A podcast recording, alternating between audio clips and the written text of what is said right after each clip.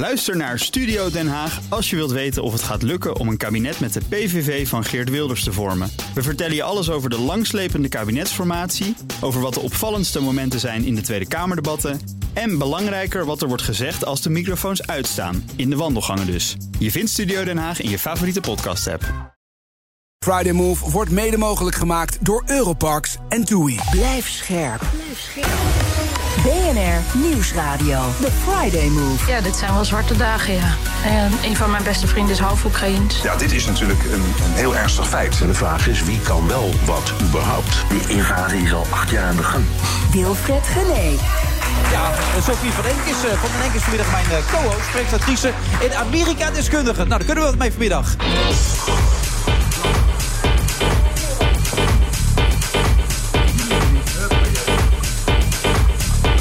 Verder nog in deze uitzending uh, Gert-Jan Segers, uh, Hubert Smeets, Bernard Hammelburg en Koen de Kort.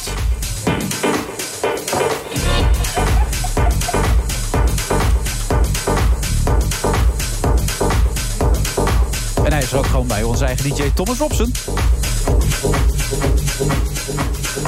En wat rijdt hij weer lekker weg, hè? Zo, hij, hij loopt een beetje weg. Hoor je dat? Heerlijk, Hij ja, liep zo lekker weg, Hij hè? liep weg, hij draaide weg. Ja, je zag hem zo een beetje de deur uitlopen hier. Ja, en Ja. weer terug ook trouwens, want hij is er de hele tijd nog. Hij komt weer terug. Ja, dan komt hij zo weer door die deur en dan gaat hij verder. Heerlijk. Ja, goed dat je er bent, hè, Sophie. Nou, ik vind het ook heel gezellig. Presentatrice onder andere van Keuringsdienst van Waarde. Je, je hebt echt veel gedaan. Hij acteert ook, zag ik, enzovoort. En, en, en van alles nog wat. Eh, maar eh, ook Amerika-deskundige.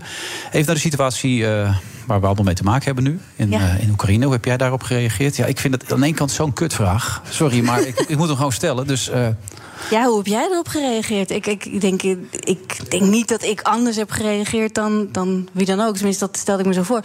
Ik, ik, ik zat te kijken naar mijn oude bosatlas. Daar, daar kwam ik weer bij uit. Want die kreeg Oh. ik voor mijn twaalfde verjaardag. die heb je nog steeds. En daar stond nog, ja.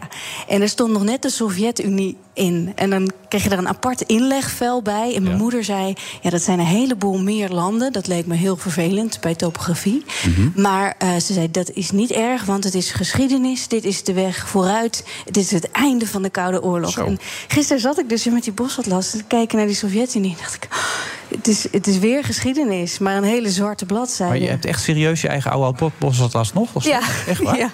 Je gooit Ja. niet veel weg, begrijp ik. Ja, ik ben. eh, nee, nou ja, belangrijke dingen hou ik. En dit was kennelijk. deed dit ertoe voor mij. bosatlas. En ja. En ik, ja, ik, ben, ik sta er tamelijk eh, sentimenteel in. Ik vind merk het ook, ja. verschrikkelijk wat er gebeurt. Oh, ik dacht die bosatlas. Dat Ja. je dat gewoon een mooi moment vond om terug te denken aan dat je moeder dat toen zei en zo. Maar Ja, dat ook, dit- wat er nu gebeurt vind je verschrikkelijk. Ja, natuurlijk. Ja, het, het is zo. Ik, ik kan gewoon niet geloven dat het weer oorlog is in Europa. Ik had niet gedacht dat ik dat in mijn leven mee zou maken. Ik dacht dat wij op de weg vooruit waren. En dit, dit is misschien dan heel naïef, maar ja. Nou ja, Bernard Handelburg hebben we hier later, eh, later, later in uitzending. Die schreef een paar weken geleden nog een column. En die zei tegen ons: iedereen kan rustig gaan slapen. Maar als zelfs Bernard Handelburg er al naast gaat zitten, ja. Ja, en Waar Maarten kun je van dan nog op Rossum. bouwen, Sophie? Ja, nee, dit is Ja, heel en Maarten erg. van Rossum natuurlijk ook Ja, nog. ja. Wie kun je nog bouwen dan in dit leven? Nou, eh, op, eh, op Wilfred Gené. Nee, nee, want die wist het ook niet. Die Nee. dacht, dat zal wel loslopen allemaal. Maar het valt een beetje heel erg tegen allemaal. Wat zijn de laatste ontwikkelingen? Heb jij het bijgehouden? Want ik zag dat nu vanaf het westen Kiev afgesloten is. Is het laatste verhaal, las ik net. Ja, er wordt zwaar gevochten en er worden wapens uitgedeeld aan eh, alle mannen die maar, maar willen vechten. En Zelensky heeft ook gevraagd of mensen die militaire ervaring hebben in Europa eh, mee willen doen. Als, ze zeggen, als je vindt dat de politiek niet snel genoeg reageert en je wil meedoen. Zweden gaat dat nu ook doen. Eh, die is niet in de NAVO, dus die kunnen dat wat meer op eigen houtje beslissen. En die hebben ook de goede kleuren natuurlijk voor Oekraïne. Ja. Ehm, ja, dus dan kun je gewoon naar Oekraïne en meevechten. Dat kan. Dus eh, alle mannen. Ja, ja, ik denk dat jij ook Nee, kan. eh. Alle, nou ja, nog net. Hè, alle mannen tussen 18 en 55 werden gisteren ook bij de grens tegengehouden. Hè, dat Ja. ze eventueel het land wilden verlaten. En Die werden- terug, en die werden weer teruggestuurd en die moeten aan de bak. En heb je dat heroïsche moment gehoord op dat slangeneiland? Er zijn dus die, die, die zeven. Die onderzeeër, dat Ja. ze zeggen, val maar lekker dood. Ja, val dood. Nou ja, toen viel hij zelf natuurlijk dood. Maar dat, dat is zo heldhaftig. Kijk, als je in deze situatie niet opstaat voor wat juist is, wanneer dan? Weet je, Ja, dit is maar, maar echt. toch is een gekke gedachte. Als je daar met 13 man op een eiland zit... En dan komt de hele Russische vloot aan. Dat je denkt van nou, die hou ik nog even tegen. Laat me zitten. Nee, ze wisten dat, dat daarom overleggen Ja. ze ook nog even. Ja, dit is het dan, zullen we het doen? Ja, we doen het. En vol, volop wetende wat er dan zou gebeuren. Ja, heroïs is dat. Ja, dat is heroïs, maar dat is ook wat er nodig is. Zo hard is er ook gevochten voor onze vrijheid. Want ik vind het wel eens moeilijk als je nu dan sommige mensen hoort zeggen... ja, ja, ja, maar ja, als we uit dat SWIFT, eh, als we Rusland uit SWIFT... dan krijgen we natuurlijk wel economische consequenties. Ja, eh, Matthijs Bouwman vond ik daar een goede column over schrijven. Ja, dan betalen we een kwartje meer voor de benzine. En dan zijn mensen die op achterste benen staan. Ja, dat kan niet iedereen zich permitteren. Nou, dan moeten we compenseren.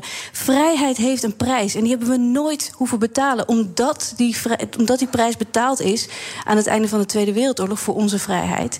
En nu staan we weer op dat punt. Ja, je geeft net aan dat ik die kant op zou kunnen gaan. Maar vandaag de dag is een geëmancipeerde vrouw toch ook in staat om die kant op te gaan dan? nou, of, ja, als ik geen kinderen had, ja. ja.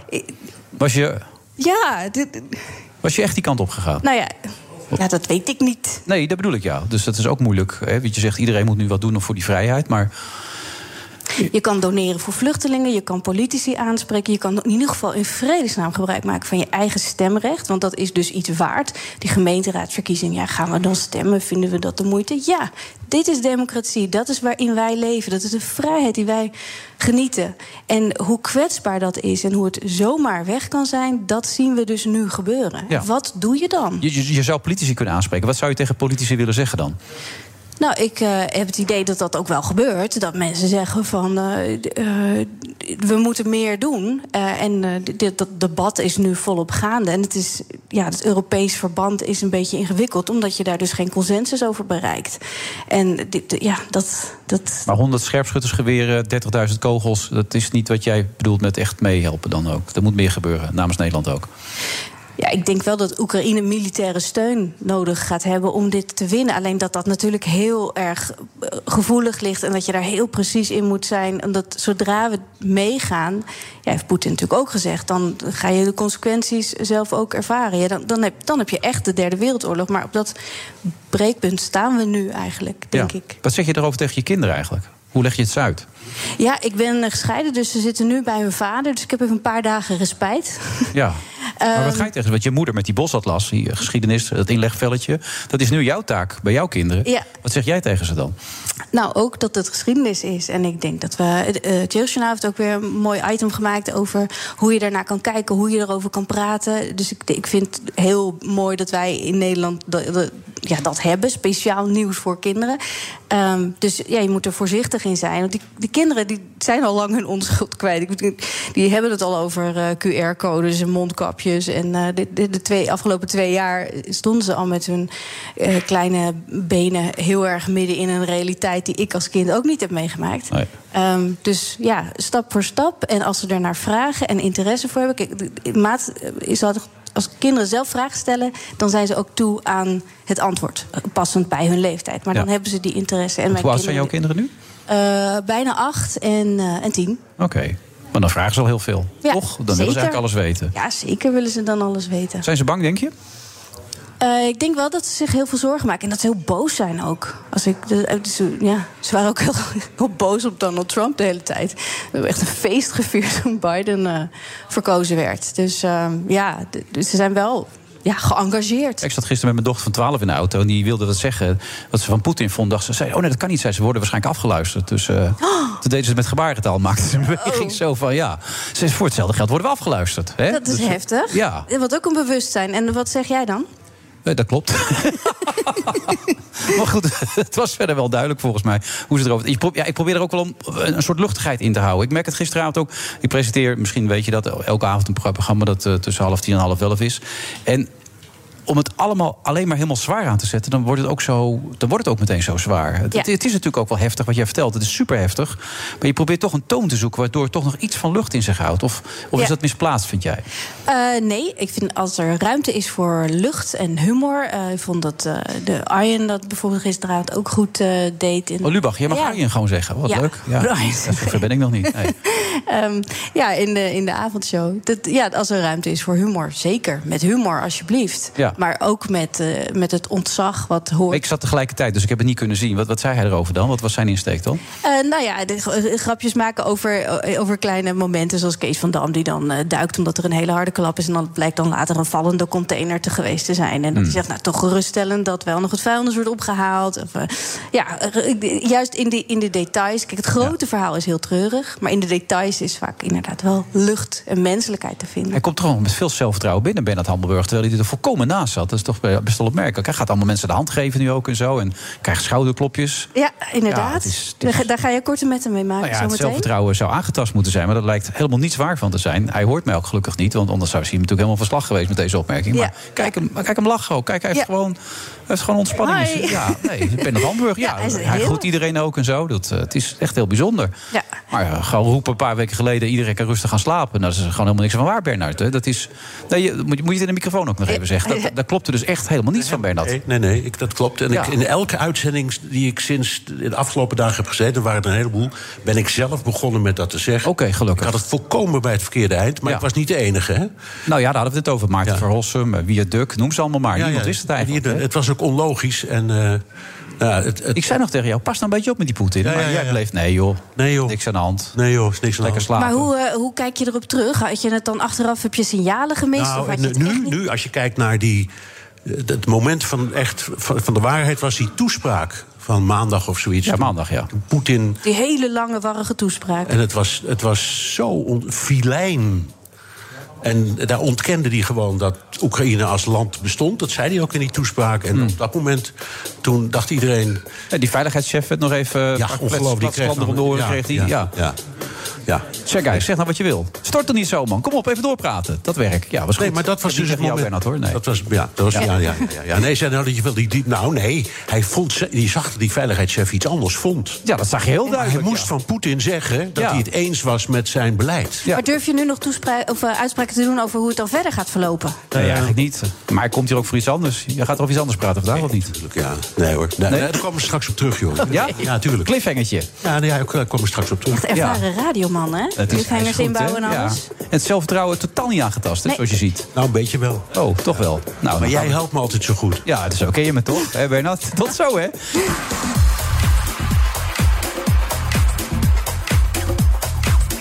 Dit is Tim Schaap met de ANWB Verkeersinformatie.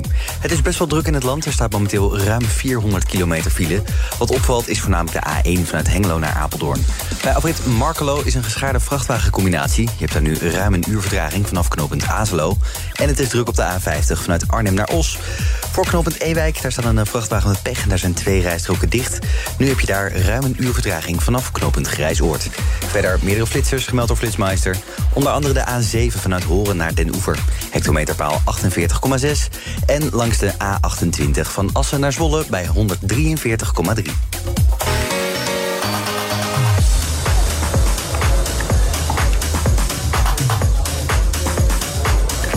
Blondjes beleggen beter. Gooi me gewoon gelijk even in, zo boem. Dat boek dat zo ontzettend succesvol was van Janneke Willems. En die heeft natuurlijk heel veel verstand van de beurs. En die komt ook gewoon lachend binnen, Janneke. Je lijkt nergens last van te hebben. Of zie ik dat verkeerd? Je zegt, ik kom lachen binnen. Ah ja, je komt zo lachend aan. Ja. Doet hij het niet, je koptelefoon? Ja, ik probeer, want anders kan ik je niet verstaan. Wacht hè. even, doe ik even Toch koptelefoon bij je op. Jeetje, van, van alle markten thuis. Wilfried René die zet nu dus bij Janneke Willems Die doet het de wel, hè? koptelefoon Ja. op en Dank u. werkt ook. Schitterend. Fantastisch. Heerlijk. Maar hoe is jouw stem, Zo. Janneke? Eh, nou, kijk, ik zei net eigenlijk van eh, wat Sofie net zei over eh, wat er nu in Oekraïne gebeurt. Ik vond dat een heel ja, mooi en, en coherent verhaal. En eh, je plaatst het daarmee echt in perspectief. Want mijn reactie eh, gisteren eigenlijk met, met ook de beelden van die mensen die de stad uit wilden en zo. eh, was eigenlijk dat ik compleet vol schoot. En dat heb ik eigenlijk nu weer. Echt waar? Ja. En ja. waar komt dat door, denk je? Ja, eigenlijk wat Sophie al zei. Van je realiseert je normaal gesproken niet dat het zo kwetsbaar kan zijn, die vrijheid. En dat dus gewoon het leven van normale mensen eh, zo van de een op de andere dag overhoop gehaald kan worden. Dat je huis uit moet, dat je de metro in moet vluchten. Ik eh, vind dat. eh, ja, ik schrik daar echt van. En ik, ik dacht ook steeds van, oh, nou, dat zal wel loslopen, toch? Ja. Maar het- ik vind dat toch wel heel erg. En ehm, En wat ik er ook heel erg aan vind is hoe los je dit nu op? Want dat valt dus eigenlijk niet op te lossen. Het is dus kennelijk zo, als er een grootmacht ergens binnenvalt... ja, dan kan je zeggen, ik ga terugslaan... maar dan wordt het echt bloedvergieten of een, een bloedbad. Mhm. En je kan zeggen, nou, uh, we gooien er nog eens wat sancties tegenaan. Ja. Maar ja, wat zijn dat voor sancties? Het stelt helemaal niks voor, die sancties. De, tot nu toe. In mijn ogen niet. Nee. En, en al die jaren heeft Poetin toch eigenlijk wel laten zien... dat hij overal een beetje de schouders over nou, Het grappige uh, van de week schreef iemand een artikel... dat, dat hij in al die jaren, acht jaar lang eigenlijk al... want hij is al acht jaar een beetje mee bezig, heel boos ook... heeft hij het, het land gewoon sanctieproef gemaakt... waardoor al die sancties waarschijnlijk helemaal niet gaan werken.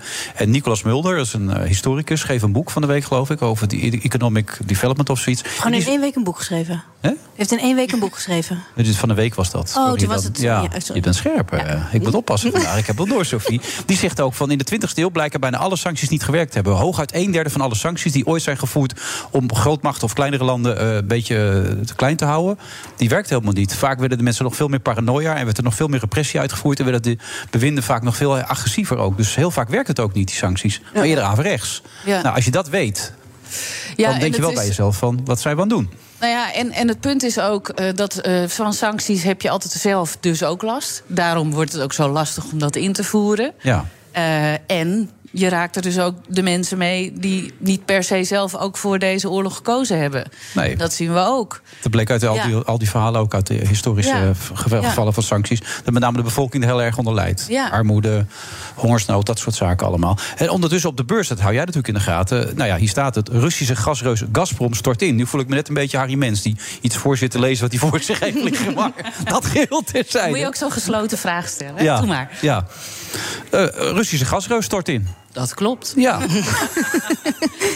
Nee, eh, ja, eh, Gazprom is. de koers van Gazprom is gewoon helemaal in elkaar gestort. En dat is ook niet zo gek, want vanwege die gasleveranties, een hoge gasprijs en de dreigende sancties, ja, dat gaat gevolgen hebben natuurlijk voor de groei van Gazprom.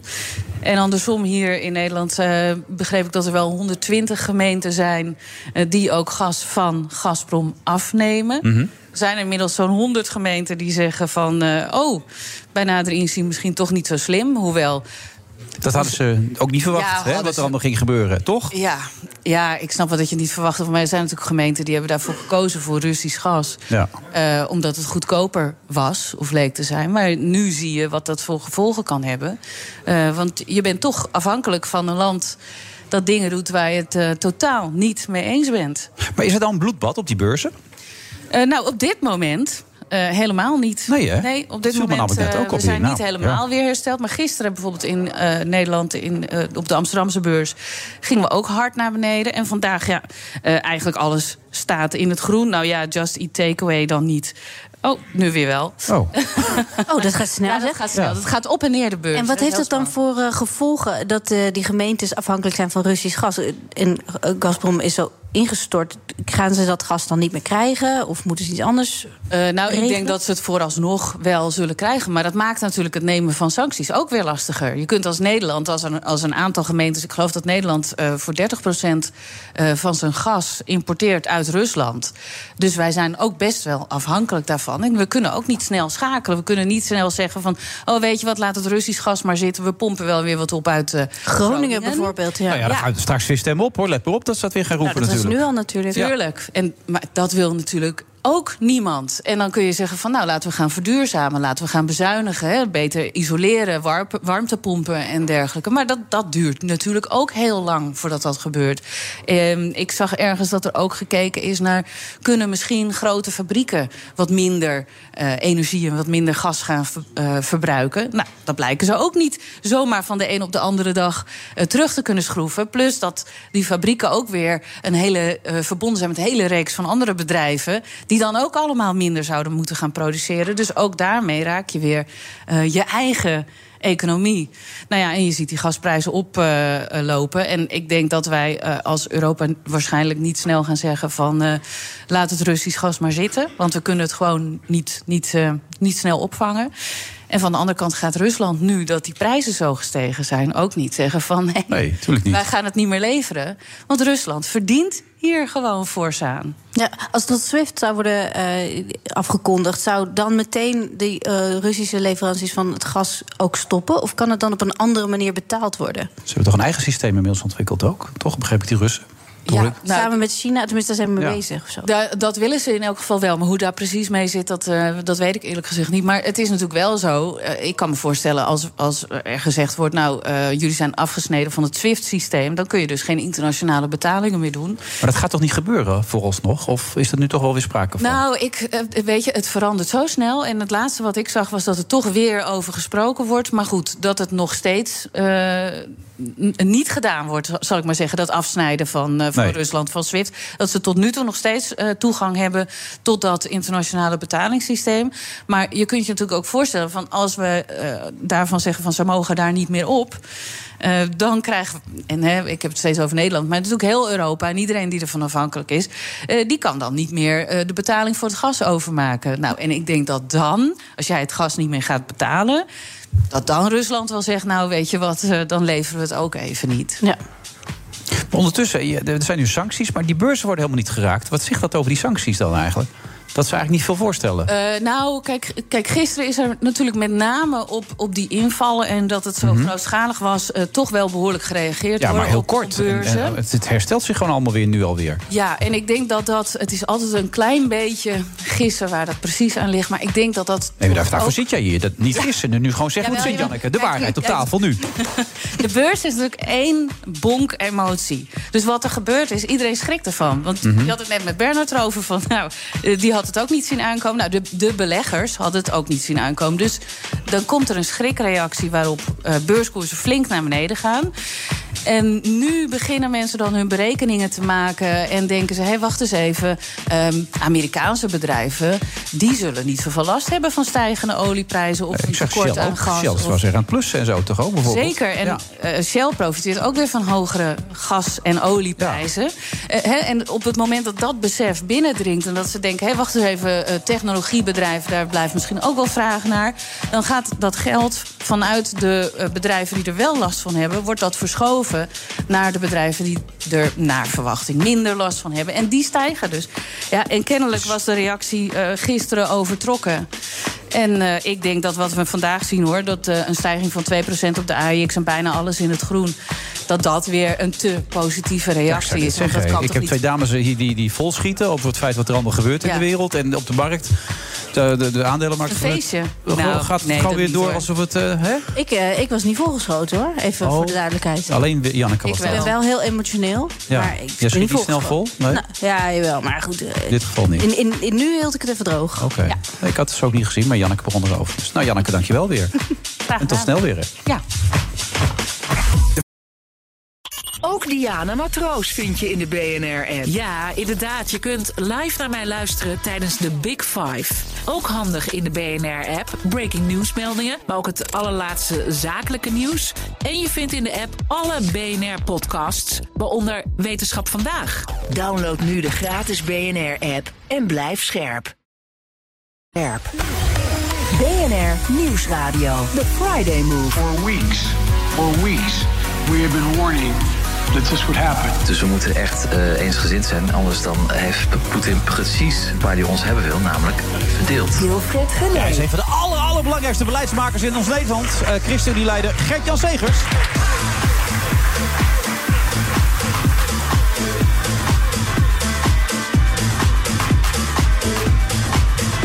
En daar zit hij vandaag met onze eigen politiek verslaggever uh, Leendert Beekman... die onlangs een uh, debuut heeft gemaakt. Dat deed hij op... Uh, Geweldige wijze. Opmerkelijke wijze, Ja, ja, absoluut inderdaad. wijze. Ja. En nog naast mij nog steeds uh, Sophie van den Enk. Gaat het nog een beetje, Sophie? Ja, zeker. Het wordt eh, alleen maar leuker hier. Ik hoorde jou net zeggen 2,5 uur. Dat, dat is wel een end, hè? Pjoe, ja, ik ben bang dat ik te vroeg gepiekt heb. Maar ik, nee, Wat was ja. je piek dan? Eh, ja, de opening. De Bosatlas. De, bo de Bosatlas, Ja, ja, Bosatlas. En daarna zakt het in. Ja, ja, Ja. ja. Nee, maar eh, het, het- het wordt eh, hoogvlakte. Ik, weet, ik, ja, ik, ik zet er volop in. Ja, Gert-Jan, Ja. goed dat je er bent. Met de trein of niet? Ja, zeker. Ja. Ja? Ja. Alles meegenomen? Ik heb alles meegenomen. Ik had Ja? niet zoveel mee. In ieder geval geen coalitieakkoord. Nee, Ja, nee, dat niks laten liggen. Niks, niks laten liggen. Nee. Nee, maar goed, je kan als een trucje ook maar één je doen natuurlijk, hè? Geintje, afspraak met de Volkskrant en zo. Goed gedaan trouwens, op zich. Wat denk jij echt? Jij dat denk denkt ik echt namelijk. Ja, dan zie je gewoon hoe 100% prozaïs- van overtuigd. Nee, houd toch op. 100% ben ik daarvan overtuigd. Dan zie je gewoon, politici zijn niet in staat tot complotten. Zijn niet in staat Jawel. tot echt eh, enorme diepe gedachten. Nee joh, dat is gewoon... Ik, ik, ik was met iemand aan het ouwehoeren en ik liet dat ding eh, liggen en, eh, en weg was het. Ja, eh, politici erop aanspreken. Wat zou je tegen hem willen zeggen nu gelijk, nu die er is? Eh, Sophie? nou, ja, ik, vind het heel, eh, ik vind het een heel mooi en aandoenlijk verhaal. Dat eigenlijk politici ook gewoon maar mensen zijn. En- en- Aandoenlijk, dat is heel erg. Als mensen medelijden met je krijgen, Ja. dat is echt heel erg. ja, maar het- Ja. het zo klinkt ja, het wel een beetje het. van... goh, ja, sneu dat het gebeurd is. Ik, ik, maar ik, Het was ook een jaar van uitgeleiders. Dit is gewoon een nieuw jaar je. 2022. Je Zo kan het. gewoon weer, hè? Ja, en ik geloof hem wel hoor. Ja, dit achtervolgt je toch niet meer? Neem ik aan. Nee, want ik ben toen direct naar de... ik- Alleen bij BNR. Ja, bij jou inderdaad. Maar het is de eerste keer sinds lang dat wij elkaar weer spreken. Ja. Dus ehm, eh, vandaar dat hij erover begint. Nee, ik ben toen direct naar de onderhandelingstafel gegaan. Ik zei, jongens, ik heb iets doms gedaan. Ik, weet- ik, ik ben een, ik ben een akkoord tussen, dat was tussen VVD en CDA, ben ik eh, vergeten. Ik zei, nou oké, kan gebeuren. Toen duurde het drie weken voordat het naar buiten kwam. Maar toen zag ik het in de krant. dacht ik, ja, nee, maar dit, dit, dit kan er maar eentje zijn. Dat ben ik. Dus toen heb ik direct een tweet eruit gegooid. Van jongens, eh, C'était moi. Nee, maar wat ik zei, het was toch zo'n jaar dat je later moest zeggen... oh ja, stom voor mij dit en stom voor mij dat. En Nou, dit jaar is... Ja, toch? Ook die opmerking over Rutte. Ik bedoel, we hebben een tijdje met elkaar niet gesproken... dus ik moet even alles op een lijstje Ja, inderdaad. zetten. Ja. Nee, maar nu is het jaar gewoon weer goed begonnen. Nou, in ieder geval, het gaat weer over inhoud. En dat is, ik bedoel, dit is geen vrolijke week, maar het is wel fijn dat het wel weer over inhoud gaat en niet over onszelf. Ja. Dat vind ik heel fijn. Maar eerst even naar het feit dat het geen vrolijke week is. Nee. Ook jij zag het waarschijnlijk niet aankomen. Alhoewel ik begreep gisteren van Wie het Duk... dat er toch wel binnen het kabinet misschien nog mensen meer op de hoogte waren. Of is dat niet waar? Maar ik zit niet, niet in het kabinet, dus... nee, maar goed, je kent de mensen die daarin Ik zitten. ken mensen, natuurlijk. maar dat eh, Poetin hiertoe in staat was, dat, dat, dat wisten we wel. En dat hij ook echt dat serieus zou doorzetten. Nou ja, op een gegeven moment waren echt alle signalen die, eh, die kwamen wel. wel de Amerikanen door. al een paar weken hadden het ook al gezegd van, joh, hij wil het echt. Ja. Hij gaat het echt doen. En dat denk ik nu ook. Ik denk dat hij echt dat hele land wil bezetten. En dan? Want ik hoor nu al mensen zeggen, daar neemt hij niet eh, genoegen mee. Geloof je dat ook? Ja, dat zou kunnen. Ik bedoel, nu zie je dat het ondenkbare denkbaar is. Dus eh, het zou kunnen. Eh, Moldavië, Baltische Staten. Dus Ja. het kan ontzettend spannend worden, ja. En dan is de vraag, hoe, wat voor rechte rug hebben wij? En, en, en zijn wij bereid om Europees territorium te verdedigen of niet? Hmm. Militair te verdedigen bedoel ik. Ja, nou ja, in ieder geval bij de Baltische Staten, daar hebben we de belofte gedaan. Ja, NAVO Zij is ook- zijn ja. onderdeel van de NAVO. En we hebben gezegd, wij gaan jullie helpen als jullie worden aangevallen. Daar zijn Nederlandse militairen. Maar op het moment dat je het zegt, realiseer je ook zeg maar, hoe verstrekkend dat kan zijn. Waarom is Zelensky nou toch ook niet toegelaten tot de NAVO? Daar heeft hij natuurlijk op het laatste moment nog een soort van hopige noodoproep voor gedaan. voldoet toch niet aan de voorwaarden? Nou, eh, de Oekraïne niet, om aan de NAVO. Eh NAVO is wat anders dan de Europese Unie. Eh Ja. Europese Unie zeker eh, v- eh, voldoen ze niet aan de voorwaarden. Ja, NAVO, ja, daar moet je heel goed over nadenken. Want als je die belofte doet, dan moet je hem ook kunnen waarmaken. En we zien nu hoe reëel het is. Ehm, maar ja, dit is, dat is precies het, eh, het strijdpunt. Maar uiteindelijk het principiële punt is, is dat een land zelf kan beslissen... wil ik bij de NAVO horen, ja of nee? Ja, maar ja, en daar gaat niet Rusland over, dat. maar daar gaat de Oekraïne over. Ja. Maar een land dat zo verdeeld is, had wel deel kunnen, eh, onderdeel kunnen zijn van de NAVO. Want dat wordt hier aan deze tafel regelmatig bestreden, dat dat kan. Nou, je moet er heel goed over nadenken. Dus je moet niet te snel ja zeggen. Want als je die belofte doet, dan doe je de belofte dat Nederlandse mannen en Ja. vrouwen in de strijd pal staan voor Ja. dat land. Ja, dat moet je wel kunnen waarmaken. Maar die deur openzetten naar de NAVO is toch ook één van de redenen dat dit conflict er nu is?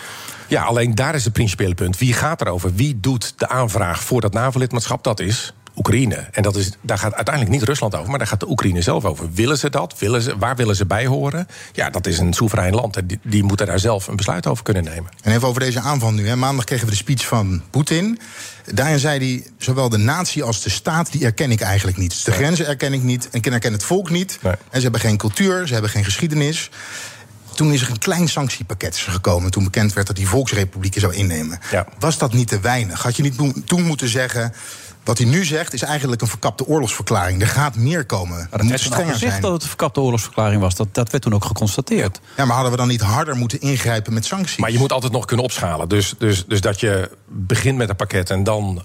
Maar dit iets- pakket heeft duidelijk geen indruk gemaakt. Dat zei Hoekstra ook. Eh, dit pakket, daar heeft hij zich helemaal niets van aangetrokken. Dus gaat hij zich dan wel iets aantrekken van een nog nog groter pakket waar bijvoorbeeld ook SWIFT onderdeel van is? Nou, als we dat doen, dan snijden we ook onszelf in de vingers. En ik vind dat we daartoe bereid moeten zijn. Maar dan moet je wel heel goed weten wat je, wat je zegt. Want dat kan betekenen dat er een gaskraan kan worden dichtgedraaid vanuit Rusland. Dat kan betekenen dat wij gewoon in de kou komen. Dat kan betekenen dat wij, onze economie wordt geraakt. Alleen als Rusland zich onttrekt aan een Europese beschaving... die heeft afgesproken na de Tweede Wereldoorlog... na alle bloedige conflicten die we hebben gehad... wij praten onze conflicten uit en wij vechten ze niet uit. Als Poetin zich daaraan onttrekt, ja, dan, dan, dan moet dat consequenties hebben. En als het hier geen consequenties heeft, heeft het dan wel consequenties als hij de Baltische Staten aanvalt, of als China Taiwan aanvalt, of als welk land welk ander land ook aanvalt. En de boodschap is nu, hou de rug recht. Hè? In heel Europa, maar ook in Nederland. Uh, want er gaan dit, namelijk, je zegt, mogelijke gevolgen. Zeker. Economische gevolgen. Die, die gaan er gewoon komen natuurlijk. Die gaan, die gaan er komen. En dat, dat raakt ons dus. En, en dan is de vraag, wat, wat, wat weegt het zwaarst? Is dat inderdaad een internationale rechtsorde... waarin je kwetsbare mensen, kwetsbare landen verdedigt... Of is dat uiteindelijk je eigen. Je Wat eigen zou je antwoord erop zijn dan? Ja, dat is die internationale rechtsorde dat dat uiteindelijk enorme consequenties ook voor onszelf zou mogen hebben. Maar als je nu niet een streep trekt, als je nu niet bent om daar een enorme prijs voor te betalen, ja, dan is dat een vrijbrief naar, naar welk willekeurig land ook wat toevallig net even iets sterker is dan zijn buurland. Om te zeggen, nou, weet je wat, wij gaan ook eens even aan een landje pikken. Telt dat zwaarder? Dus dat is eigenlijk het doen van het juiste. Hè? Ja. Dat telt dus zwaarder dan uh, het feit Dan dat geld. ze net Dan- niet dan geld, dan dat ze net niet lid zijn van de NAVO, terwijl ze er wel tegenaan schurkten en de, de, de stappen richting Europese Unie ook al zo probeerden te maken.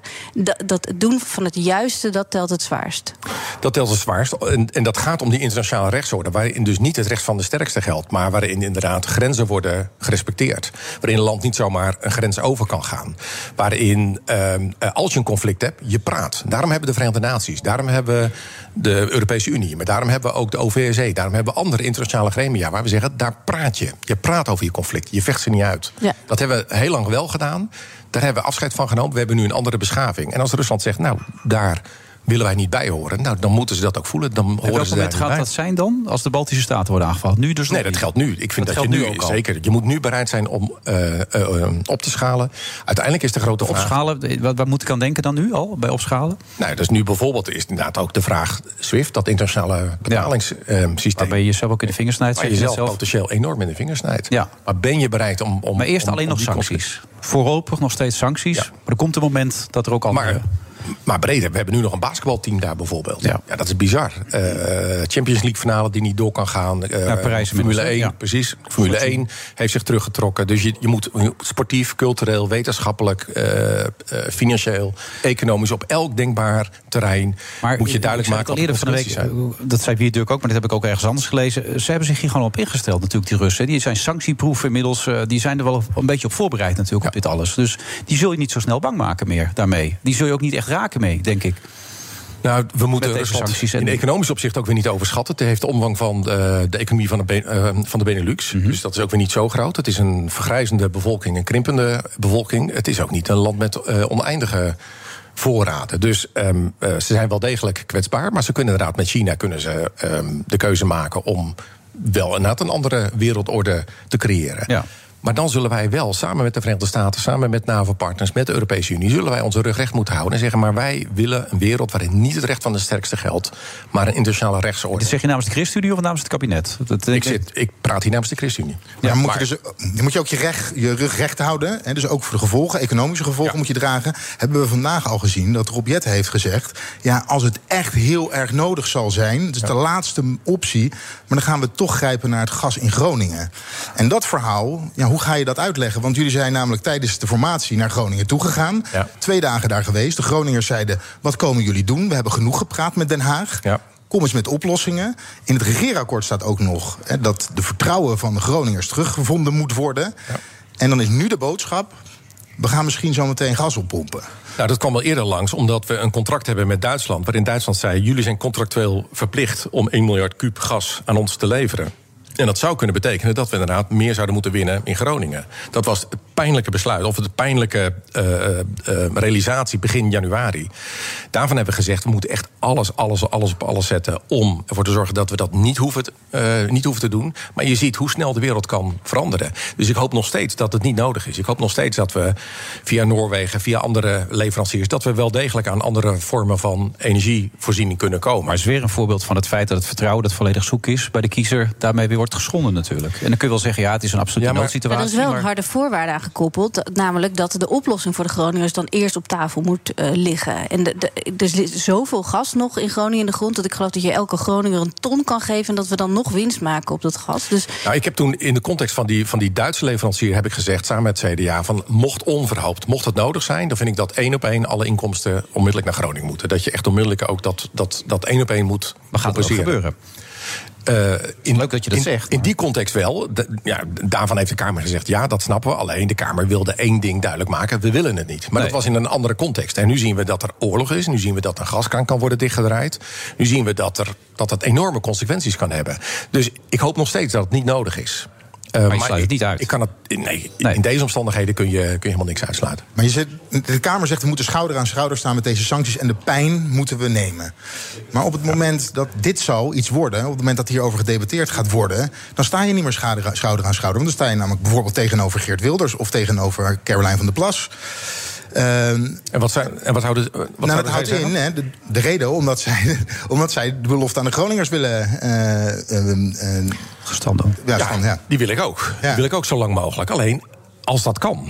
Eh, dus ik hoop nog steeds dat het niet nodig is. Alleen het zijn nu zulke omst- eh, extreme omstandigheden. ehm, dat ik niks kan uitsluiten. Ik hoop nog steeds dat we op allerlei manieren aan andere bronnen van energie kunnen komen. Dat we die kunnen aanboren. Je ziet ook hoe belangrijk het is om die energietransitie in te zetten. Hè. Dus mensen dachten van ja, dat is alleen maar nou ja, voor een ander eh, fictief eh, probleem. Nee, dit is ook om de afhankelijkheid van Rusland om daar vanaf te zijn. Afhankelijkheid van het Midden-Oosten. Wij moeten uiteindelijk onze eigen energie kunnen opwekken. Alleen dat is werk van een lange adem. Nou, daar zijn we volop mee bezig.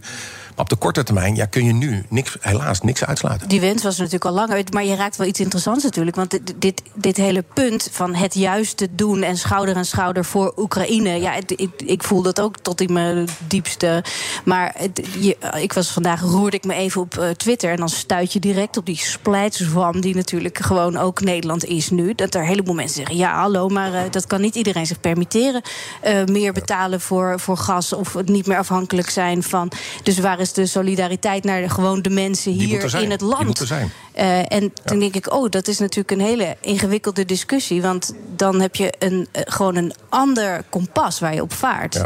En die, ja, nou, zijn- succes. eh, doe maar. Dankjewel. Ja, maar dat zijn twee ehm, verschillende dingen. Dus het juiste doen is nu inderdaad, ehm, nou ja, ik zou zeggen, whatever it takes, inderdaad. Wij moeten nu onze rug, rug recht houden en duidelijk maken: dit kan niet. Dit is inderdaad echt zwaar over de grens. Maar als het een prijs kost, als, als je een prijs moet betalen, moet die wel eerlijk worden verdeeld. Ja. En dan moeten de sterkste schouders de zwaarste lasten dragen. Maar juist dit kabinet, dat eerlijk verdelen, daar komen jullie slecht uit. De box 3, hè, de, Nee, de, de, daar komen wij niet slecht uit. Wij- En is er een oplossing voor box 3 nu bedacht? Nee, nog niet. Nou, daar zijn we volop over Binnen aan, het eh, kabinet zijn jullie het daar niet over eens. Nee, maar dat gaat richting voorjaarsnota, gaan we erover praten. Maar we willen het eerlijk eh, verdelen. Dus we willen mensen... Belasting op vermogen is dat? Zeker, dus we willen inderdaad eh, zeggen... Joh, daar gaan wij over praten, daar hebben we inderdaad een eh, probleem. Over de AOW hebben we eerder gezegd... joh, gepensioneerden komen er slecht uit. We willen ook daar een eerlijke verdeling. Dus dat gesprek vindt nu plaats. Ehm, maar tegelijkertijd, we verhogen het, minimumloon. We verhogen de bijstand, de waaijong. Dus ehm, wij proberen het rechtvaardiger te maken. Dat was een belangrijke inzet Dit van zijn de afspraken die al gemaakt waren. Het gaat nu over hoe compenseren we de hoge energierekening. Op welke manier gaan we dat doen? Hoe gaan we de kapotte box 3 Maar daar wordt naar gekeken, hè, zei Rob Ja, Jezus. er wordt naar gekeken. En alles wordt gekeken. Zei hij vandaag weer. Ja. We kijken We ernaar. kijken ernaar. Heel het in de gaten. Ja. Kijken, wij trekken En ook eh, Sigrid Kaag komt nergens over door. Nee, die zegt, we gaan het 3,2 uitrekenen. miljard. We gaan het allemaal aanrekenen. Nee, 3,2 miljard trekken we uit voor verlaging van de energierekening. Dit jaar. Nou ja, volgend jaar kunnen wij opnieuw een eh, probleem hebben. Dus ja, dan zul je opnieuw moeten kijken. Maar dit maar jaar. de boodschap die nu ook van Jetteren en ook bij Kaag bij de startnota is elke keer... we moeten even wachten tot de nieuwe koopkrachtplaatjes in maart bekend worden, 9 maart. En daarna gaan we verder kijken bij de voorjaarsnota. De voorjaarsnota is in juni, juli. Dat is maanden hier vandaan. Dan zit je in de zomer. Mensen hebben nu problemen om een gasrekening te betalen. Ja, en daar trekken we 3,2 miljard voor uit. Dus dat doen we nu. Dus dat doen we al. We gaan nog speciaal kijken naar mensen met een hele krappe beurs. Daar willen we nog een extra eh, gesten voor doen. Dus willen we nog meer compenseren. Dus dat gaan we ook doen. Maar we gaan een, waarschijnlijk hetzelfde eh, probleem volgend jaar krijgen. In, in mei van dit jaar, toen je, van vorig jaar natuurlijk inmiddels alweer, gaat snel allemaal zeg. Zei je toen je nog niet eh, duidelijk was dat jullie überhaupt in het kabinet zouden komen. Het zijn natuurlijk mooie woorden hè, over die nieuwe bestuurscultuur. Maar er moet wel een breuk worden ge- ge- ge- geregeld met de, de bes- bestaande bestuurscultuur. Heb je dat gevoel dat die al, al verandert, die bestuurscultuur? Nou, er is in ieder geval meer eh, dualisme. Dus een groter onderscheid tussen kabinet en Kamer. Dus ik zit op maandagochtend niet met de top van het kabinet om te overleggen. Dus er is inderdaad grotere afstand. Eh, er is meer vrijheid om te stemmen wat je, wat je wil stemmen. Dus dat stem je niet meer helemaal eh, tot in detail af. Ehm, Met transparantie bijvoorbeeld. Van de week zat eh, Mark Rutte, die moest trouwens opeens weg. Omdat hij opeens eh, een situatie Oekraïne, die trouwens al een tijdje bezig was. eh, dan moest hij op. Het was wel interessant dat hij midden in de uitzending Ja, dan op. dat was heel goed bedacht inderdaad. Maar veel belangrijker is dat op een gegeven moment zei... Peter Pannenkoek volgens mij, die nieuwe bestuurscultuur, dat nieuwe elan is toch ook transparantie. En daar leek je bijna door verrast te worden. Oh ja, dat heb ik er ook nog bij gezegd. Zo, Ja. zo kwam het een beetje over. Maar dat is toch heel raar dat hij dat eigenlijk bijna al niet meer weet zelf. Dat transparantie eigenlijk een van de belangrijkste factoren zou worden voor die nieuwe bestuurscultuur. Ja, kijk, ik ga niet over eh, eh, elk lid van, van, van deze coalitie eh, verantwoording afleggen. Ik moet vooral Nou, naar mezelf kijken. belangrijkste. Dus de minister-president. Het is inderdaad niet, diezelfde man waar, niet waar- waarom je eigenlijk niet meer wilde werken daar. Waarvan ik heb gezegd, er moet een geloofwaardige breuk komen met de voorgaande periode. En daardoor leek me het buitengewoon verstandig om een andere samenstelling van een kabinet te hebben. Dat is niet gelukt. Hmm. Dus ik heb echt mijn best gedaan om er buiten te blijven. En, en uiteindelijk heb ik de stap naar voren gezet. Waarom? Omdat ehm, eh, wij het vermogen om samen te werken eh, helemaal aan het eh, verspelen waren. Ik bedoel, we hebben gewoon, zijn een jaar lang met onszelf bezig geweest in een demissionaire periode. Nou, als je dan ziet hoe kwetsbaar een democratie is, hoe kwetsbaar het Westen is, dan wil ik het niet om geweten hebben dat wij. Dan stap je over je schaduw heen. Dan zeg je dat ook ja, doen. Dan zeg ik, joh. Maar voel je dat wel? Voel je wel die transparantie? Voel je wel, waar, waar merk je dat dan aan, die nieuwe bestuurscultuur? Los van dat je vertelt op maandagochtend het overleg enzovoort. Wat, waar merk je dat dan aan? Waar merk ik het als burger aan? Ehm, ik hoop dat je het merkt vooral aan, aan de wens om. eh, net hadden we het over de pijn eerlijk verdelen, dat het op een rechtvaardige manier plaatsvindt. Dus dat jij, nou ja, jij verdient voor mij prima. Dat jij ik klaag niet, nee. ietsje meer betaalt. Dan mensen die nu een smalle beurs hebben en nu denken, joh, ik kom niet uit met die energierekening. Ja, dat we hen extra tegemoet treden. Dat we het rechtvaardiger maken. Dus dat is een eh belangrijk inzet, in ieder geval voor ons. Ja, maar heb je het gevoel dat dat breed gedragen wordt, dat gevoel al? Of heb je het gevoel, daar moet nog hard aan gewerkt worden? Nou, het gaat om die transparantie, denk ik, dat we nog heel veel, nog heel veel kunnen leren. Dat, dat, je, dat je eerlijk dilemma's over eh, eh, neerlegt en, en, en oppositie er meer bij betrekt. En zegt, joh, laten we nou samen eens even om de tafel zitten. Maar goed, daar heb je ook een oppositie bij nodig. Die niet bij voorbaat en alleen maar boer roept. Maar zegt, joh, wij komen eens langs zij en we gaan eens, en, en we gaan eens meedenken. Die nieuwe ook bestuurscultuur, dat heeft toch eigenlijk gewoon heel veel te maken met een betrouwbare overheid. En als je daar dan nu naar kijkt, bijvoorbeeld dat voorbeeld van Groningen, die is nu heel makkelijk om die op tafel, eh, om die op tafel neer te leggen. Maar ook de afhandeling van de toeslagenaffaire. Dat zijn, dat zijn vragen waar antwoorden op moeten komen. En of daar nou grote meters gemaakt zijn, dat vraag ik me af. Daar worden meters gemaakt, maar je ziet ook tegelijkertijd hoe ongelooflijk ingewikkeld het is, zeker bij die toeslagenaffaire, om gewoon recht te doen aan mensen. En toch is dat de reden waarom ik in de politiek zit. Dat ik recht wil doen aan mensen die het echt van die overheid moeten hebben. Dus dat begint inderdaad met ouders van die toeslagenaffaire, dat begint met Groningen. En dat begint ook met mij, in alle transparantie, dat ik niet een belofte kan doen die ik niet kan waarmaken. Dus ik kan nu Als niet. ik stap niet in dit kabinet met Rutte. Dat, eh, Ik wil een geloofwaardige breuk. Ik wil een geloofwaardige breuk met de volgende periode. Dat, Komt nu een behoorlijke vluchtelingenstroom op gang natuurlijk uit Oekraïne. Ehm, gaan, deze, gaan deze mensen ook naar ons toe komen? Is daar iets over duidelijk? Of? Ik zou willen dat wij ook ons aandeel, want het is opvang in de regio. Dit is de regio, dit is Mhm. Europa. Dan moeten we ons eerlijk aandeel moeten we, moeten we nemen. En eh, dan zijn ze, wat ik hoorde net nog wel van. eh, In principe zijn het helemaal geen eh, vluchtelingen. In, in die zin dat ze gewoon het recht hebben om eh, hier te zijn. Het zijn geen asielzoekers zoals eh, uit landen die niet. Nee, maar het is nu evident dat er oorlog is en dat mensen daarvoor vluchten. Wie heeft de eerste verantwoordelijkheid? Dat is Europa. Wij maken daar onderdeel van uit. We zijn een rijk land. Dus, dus ik vind dat wij inderdaad onze verantwoordelijkheid moeten nemen. Dit staat ook in het coalitieakkoord overigens. Hè, dat als er een oorlog is, vluchtelingen van oorlog, eh, die worden sowieso opgevangen. En zeker de VVD is natuurlijk altijd voorstander geweest van opvang in de De regio. ja. ja. nou ja, dat eh, kunnen ze nu. eh, En wij zijn die doen. regio. Ja, precies. Ja. Nog even een inschatting naar de situatie. Gaat dit een heel langdurig conflict worden? Wat is je gevoel erbij? Ik denk dat dit heel lang gaat duren. Ja. ja. Waar praat je dan over met lang? Ik denk dat Rusland uit is op, op langdurige bezetting. En, en, en ze zullen uit zijn op uiteindelijk het neerzetten van een regering die hen welgezind is. Maar dat betekent ook dat wij heel lang onze rug moeten rechthouden om duidelijk te maken dat dit over de scheef is. Dat het Jaren praten we over dan. Ik, ik weet het niet. Ik bedoel, ik, Maar gewoon een Ik hoop- inschatting. Ik hoop op een wonder en, en, en ik ben van de ChristenUnie. Ik geloof in wonderen en tegelijkertijd ben ik ook een realist... en weet ik dat dit heel lang kan duren. En dat het ons ook veel kan kosten. Ja? Geeft het geloof in zulke situaties nog een stukje extra steun dan? Als je dat zo Ja, uitlegt? en ik zie ook wel dat dat ook mensen daar ook extra steun geeft. Ik zag, zag oude vrouwen bidden in een park. Ik zag mensen in een tunnel eh, een lied tot God zingen. En dan denk ik, ja, dat, dan, je weet ook dat je ultieme hoop niet op mensen is. Mensen die elkaar naar het leven staan. En dan is het wel heel mooi als je in die misère een ultieme hoop hebt... en dan omhoog kunt kijken en dat je gelooft dat God erbij is. Ja, ik denk dat dat... las dat jij dat ook een keer hebt gezegd, onlangs, niet zo lang geleden, een aantal jaar in een interview, dat geloof eigenlijk heel iets bijzonders is en iets moois kan zijn. Ja, Terwijl je dat van huis uit niet hebt meegekregen. Nee, nee, en iedereen beleeft dat op zijn eigen hele individuele manier. Maar ja, als, als je daar kracht uit kan putten, dan is dat eh, heel, heel erg waardevol. En ik denk ook zeker dat het, dat het iets is wat je dan met elkaar kan ervaren. En ja, dat is verheffend. Ja, dat er meer is. Ja. Mooie woorden. Ja. Maar je hebt niks erbij, je dus kan niks laten liggen, Gert-Jan. Ik kan niks laten liggen. Nee. Ik dacht van, ik wil misschien met jou nog wel even hebben... over al die vreselijke Toto-reclames en zo. Waar jij ook, Oh. eh, ja. Vind je het geen jij grappige reclame? Verschrikkelijk, vind ik. Ja? Echt, echt verschrikkelijk. Maar dat Ja, die ik reclames heel- er überhaupt zijn? Of Ja, dat reclames te Ik zijn. vind me niet goed zingen. Ehm, het interesseert me niet. Maar het feit Oh. dat, jij, dat jij erin figureert, ja, dat doet me wel, dat doet me wel ja, stemmen treuren. Ja, via schijf 3 komt daar zoveel van Zou terug. dan ja, mogen en, en, Suf en- en- inderdaad, ja. Ja, maar uiteindelijk is het gewoon, het is gewoon geld troggelen uit, uit, uit, Maar de Toto bestaat er al 100 jaar. Ja, maar de, de, de hoeveelheid reclame die nu over ons uitge... ge- Dat komt door al die andere wordt. nieuwe aanbieders die erbij zijn gekomen. Omdat de markt opengegooid is. Maar verschrikkelijk. bestaat volgens mij... Verschrikkelijk. Het is toch ook niet echt leuk om te doen? Ik vind het echt heel erg. Die reclame niet? Ja. Oh, die vond ik heel leuk. Vind je het heel leuk? Advocaat. Ja, Ja? dat vond ik echt heel grappig, ja. Dan ga je er weer een doen. Ja, maar jullie, jullie, jullie verdienen al veel. Advocaat verdient al veel. Heeft al heel wat... Hij heeft eh, alles weggegeven met goede doelen. Ja, maar, maar het feit dat, dat dit gewoon mensen armer maakt... en dat mensen die al in schulden zitten... en die al weet ik wat voor ellende hebben... dat ze nog een keer extra geld wordt afgetroggeld... met valse hoop en valse beloften. Nou ja, we hadden het net over hoop en, en, en, en dat wat echt eh, nou ja, een beetje zekerheid geeft. Ja, dit, dit niet. Dit is valse hoop. Oké. Het hele gesprek is wel full circle gekomen. Jij begon eventjes, eh hè, Wilfred, met de aan, aanval, Ja. aan- aanval op En nu, nu, nu komt hij ik terug. Ja, hij, Vrede terug. op aarde. Ja, ik, ik, ik hoop dat je nog eens over na wil denken. En, en, en, Ik en, krijg eigenlijk gelegenheid om een keer te gaan zingen... en dan wordt het zo... eh, nou, zingen, zingen vind ik heel leuk. Maar Ja. niet zingen voor Toto. Dat, dat Oké. verschrikkelijk. Nou, dankjewel, eh, Gert-Jan. Ja, graag gedaan. Snel weer, hè?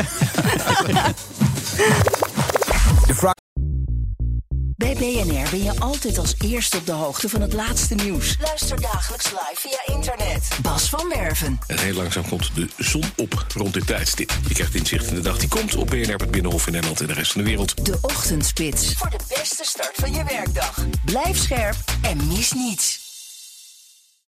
De Friday Move wordt mede mogelijk gemaakt door Europarks en TUI. Blijf scherp. BNR Nieuwsradio. The Friday Move. Ja, dit zijn wel zwarte dagen, ja.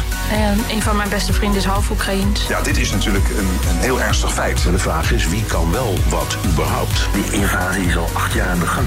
Wilfred Gené. Ja, zometeen komt hij voorbij. De man die zojuist voorbij hoorde komen. Bernard Hammelburg.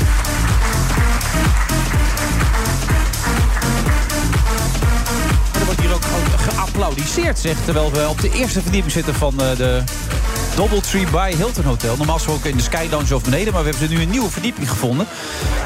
Ken je dit programma? Eigenlijk ben je wel eens een keer te gast geweest. Maar luister je hier wel eens naar of helemaal niet? Ja, dit is echt gewoon eh, de kick-off voor het weekend. De kick-off voor het weekend. Feestelijk. Ongelooflijk Muziek. allemaal. Ja, mijn zusje die is nog trouwer luisteraar. Ja? Ja, ja die zei, wow, zit je daar? Oh jee. Gaaf. Ja? Ja, Wat, wat is er gaaf van dat precies? ja dat weet ik, moet je aanvragen. Oh, oké. Maar ze is niet meegekomen. Ze wilde niet mee. Had gewoon gekund, hè? Tussen Ja. Cor en Paul en iedereen in had ze gewoon bij kunnen zitten. Weet je, het zit nog helemaal niet in ons systeem dat je ook ergens naartoe kan. Nee, of zo. Ja, tenminste, ik moet echt even. Dat had ik eigenlijk nog even shit aan Gert-Jan moeten vragen. Want ze hebben volgens mij die coronanoodwet gewoon weer er doorheen gejast deze week, hè?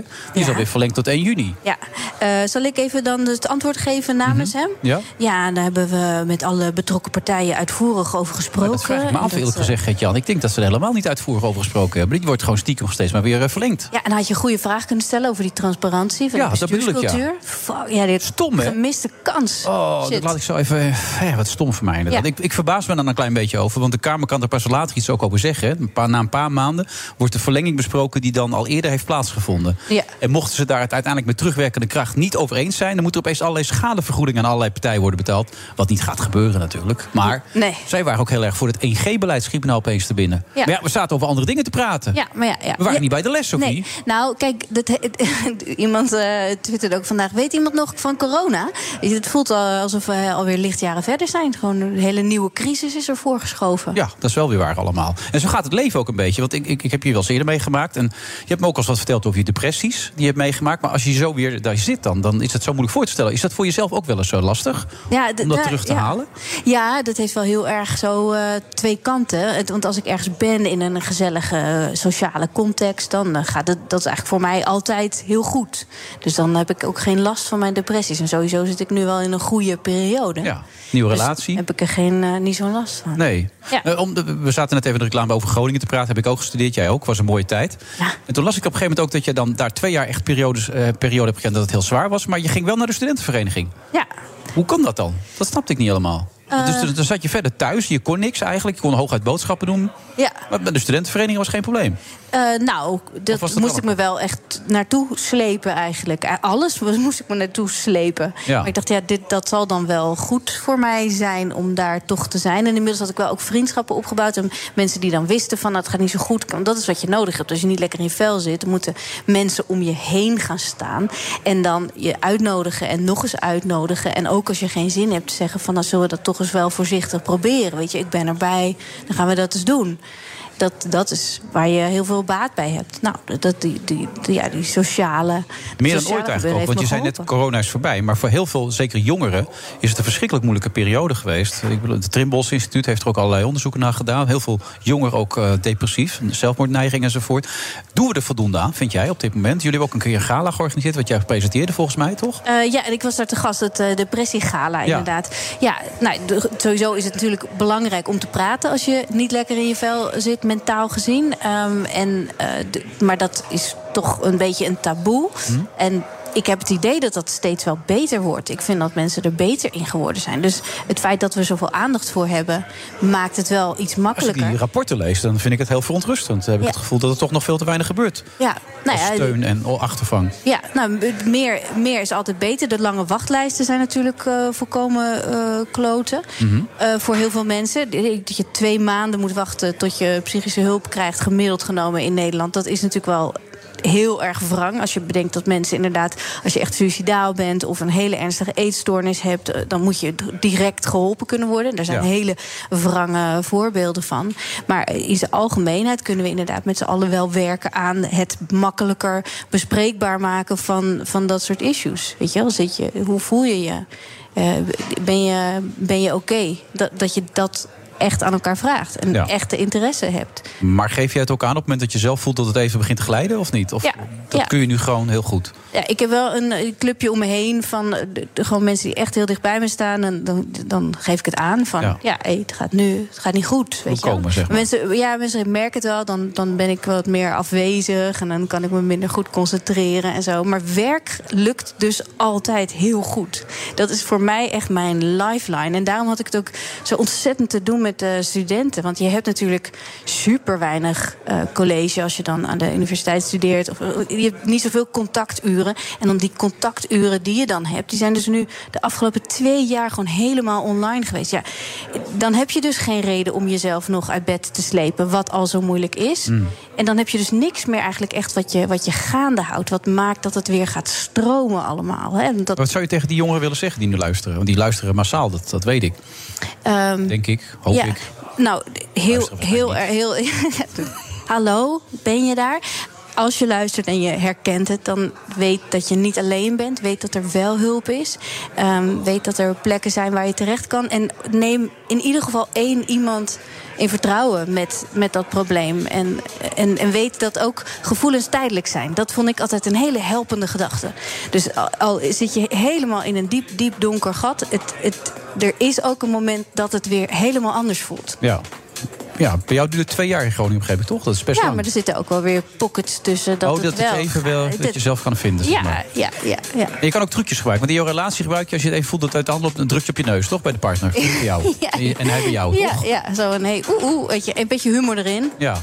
Even, even, uit, even eruit Ja. snappen. Als het even te veel is, kinderen, relatie, eh, hè, Amerikaan, andere cultuur, al dat soort dingen bij elkaar. Ja, maar alleen al dat jij, want je- net zei je tegen Gert-Jan bijvoorbeeld... dat je dus hartstikke moe bent, dat je eigenlijk nu niet, nu niet helemaal fit bent. Ja. Nou, dat is wel best wel goed natuurlijk dat je heel open dan daarover bent. Wat moeilijk ontkennen. Zie eruit alsof ik drie dagen onder een brug heb geslapen.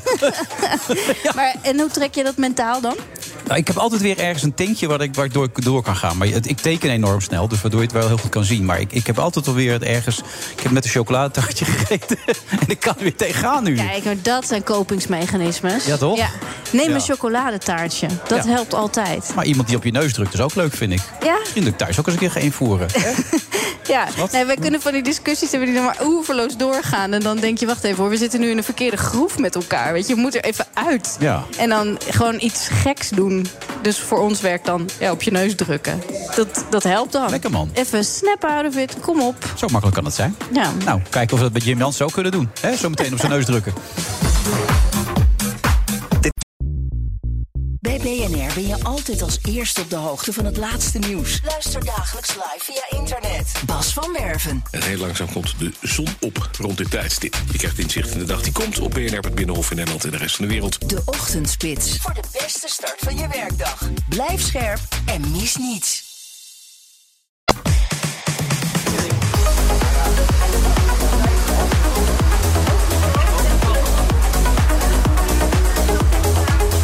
De hoofdredacteur van de Nieuw Scientist zit hier aan tafel. Niemand minder dan Jim Jansen. Goed dat je er bent, Jim.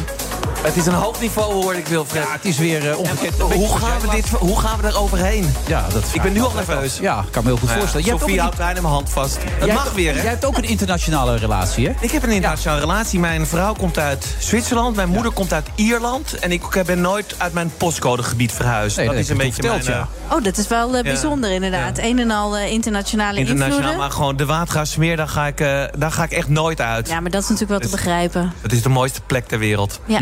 Ja. Maar hoe lang ben jij nu met deze Amerikaan? Die had je tien jaar niet gezien of zo. Die is nu weer terug in je leven. Ja, ik ken hem al sinds 2003, maar we zijn nu eh, eh, ja, een kleine, te, ja, vind ik het, 2,5 jaar samen zo. Ja. Ja. En, dat gaat goed? Ja, het gaat goed. Ja? Dat is altijd Het is Geen tips meer van eh, Jim nodig? Even Nee. gewoon eh, internationaal. Gun elkaar de ruimte, hè. Weet, Ik, ik heb net kleding gekocht voor het gala... waar we wellicht zo meteen nog over gaan hebben. Gala? Het gala, gala van wetenschap en Oh. samenleving. Is dat is zo erg- subtiel. daarvoor komt Maar dat heb ik ja, wel met mijn hier. geliefde gedaan. Want ik heb een ontzettende hekel aan kleren kopen.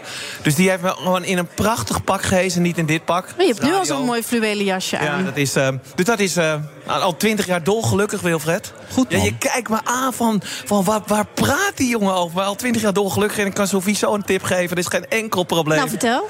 Wetenschap, liefde, voetbal, Alles komt eh, alles, samen. komt, alles komt goed uiteindelijk. Oh, oké. Je had het over een gala. Ja, Daar wilde je ook iets over vertellen, begrijp Ja, nou, dat eh, wellicht... eh, Leuk dat je ernaar vraagt. Ja, dat is nou, hartstikke leuk. Op 14 maart, 14 maart, Sofie. Wat gebeurt er op 14 maart? ik, vind- het gala. Het gala van de wetenschap en samenleving van 14 maart is Pi-dag. Pi is 3,14.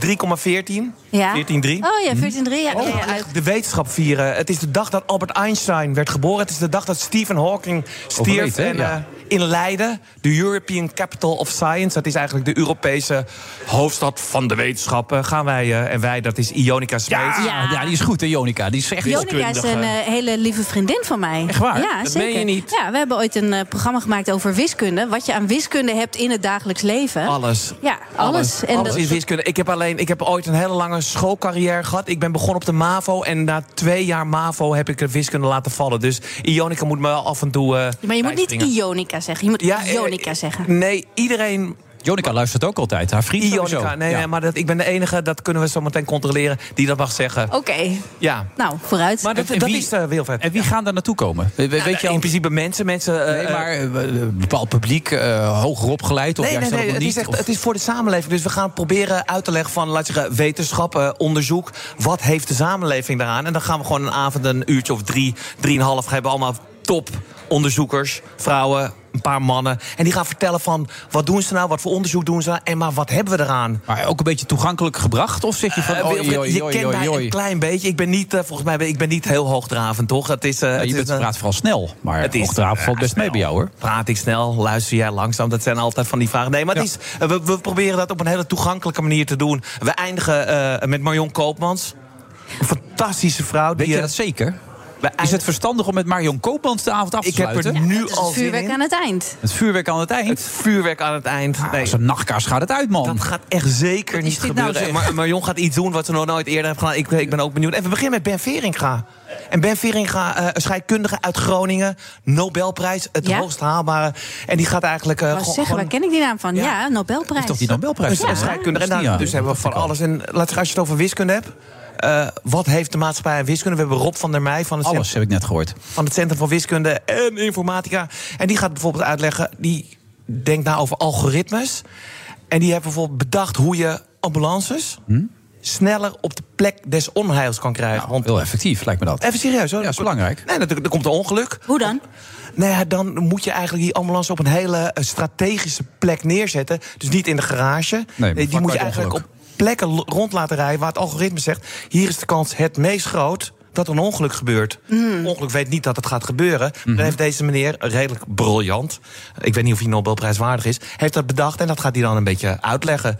Dus inderdaad, kijk je voor. het is niet alleen bedacht, het wordt ook echt daadwerkelijk nu gedaan. Het wordt, het wordt echt neergezet op plaatsen waar... het wordt echt eh, neergezet. En dat is heel mooi. Laat zich de toepassing. Want de wetenschap, fundamenteel onderzoeken, dat hele ingewikkeld is mooi. Ja. Maar ik hou heel erg als we er wat aan hebben. Laat Ja. zeggen, je hebt corona en we vinden er een vaccin tegen. Maar, ja, maar je hebt ook die, die, juist die, die hogere wetenschap nodig... om uiteindelijk tot die toegepaste toepassingen te kunnen toepassen, toch? Jij hebt hiervoor doorgelezen, Sofie. Wat Ja. geweldig. Nee, dus eh, het fundamentele is echt prachtig natuurlijk. Dat je gewoon eigenlijk een weg inslaat en je hebt geen idee wat je gaat Wat voor uitvinden. pak heb jij eigenlijk uitgezocht dan met je vrouw samen?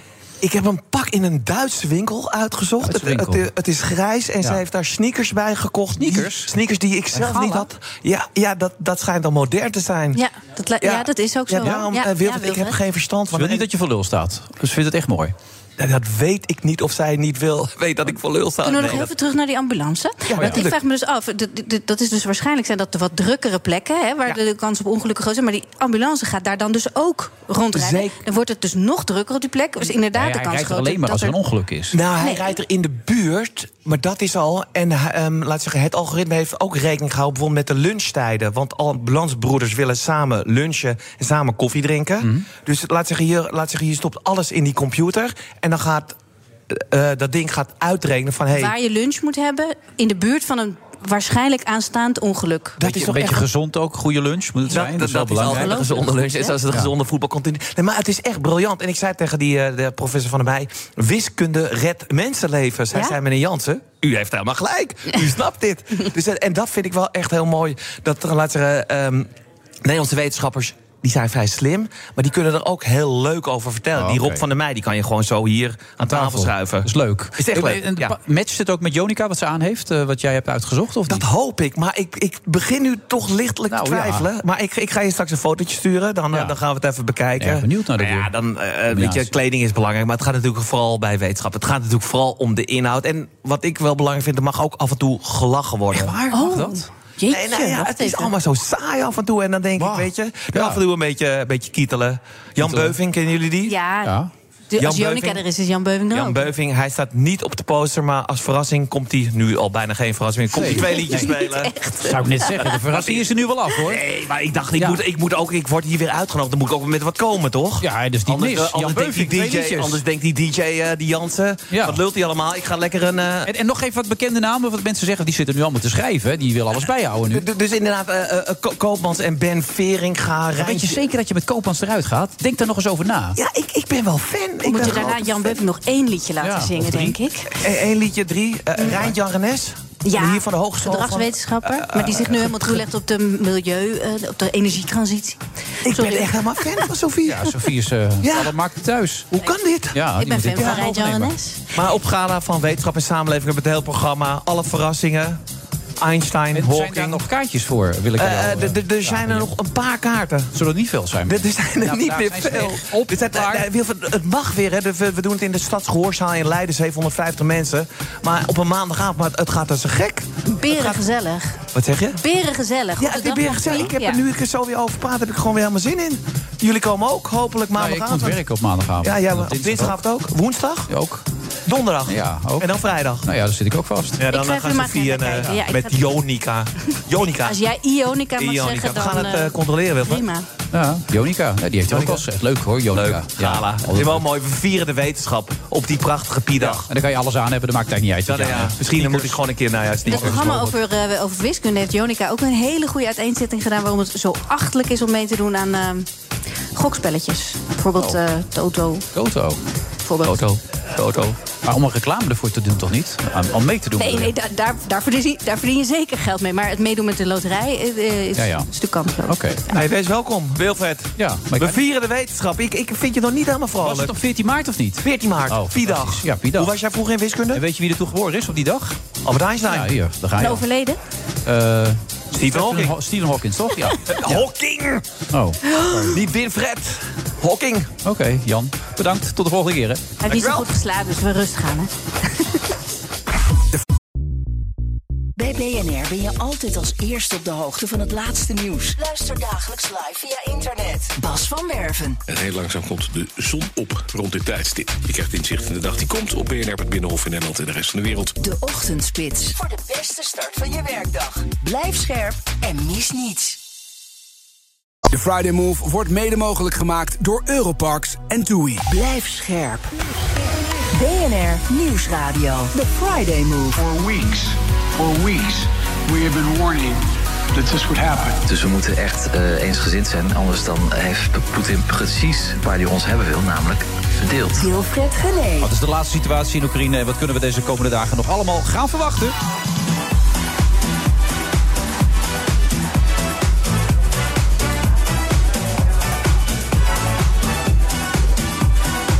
Sophie van den Enk is nog steeds eh, mijn co-host. Wat is nou jouw specialiteit eigenlijk, Sophie? Waar ben je nou echt het beste in van alles wat je kan? Eh, wat een eh, lastige vraag. Even kijken. Nou, ik ben opgeleid als Amerikanist. Mhm. En ik, ben, ik werk eigenlijk het meeste als dagvoorzitter. Oh. Ik kan heel goed over van alles en nog wat... een beetje de kern eruit pakken... en dan dat weer vertalen terug naar een publiek. Oh, wat goed. Dat is wat ik doe.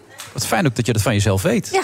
Want dan kun je alleen maar beter in worden dan als je weet van jezelf weet waar je goed in bent. Kun je alleen maar beter worden. Dus. Ja, ja. Oh, wat goed. Dus, eh, en ik doe heel veel eh, dingen ook eh, die allemaal te maken hebben met de energietransitie. En dan merk je ook van, oh, dan- dan weet je er ook steeds meer van af. En dan gaat het ook steeds beter. Ik heb nou met de een mooie podcast op spanning eh, gemaakt. En Ja. die is net gelanceerd. Nou, dan spreek ik met eh, belangrijke spelers in die energiemarkt. Nou, Maar dus mensen die nu luisteren, die kunnen jou inhuren als dagvoorzitter. Ja, ja, Ja? Wat is jouw prijs?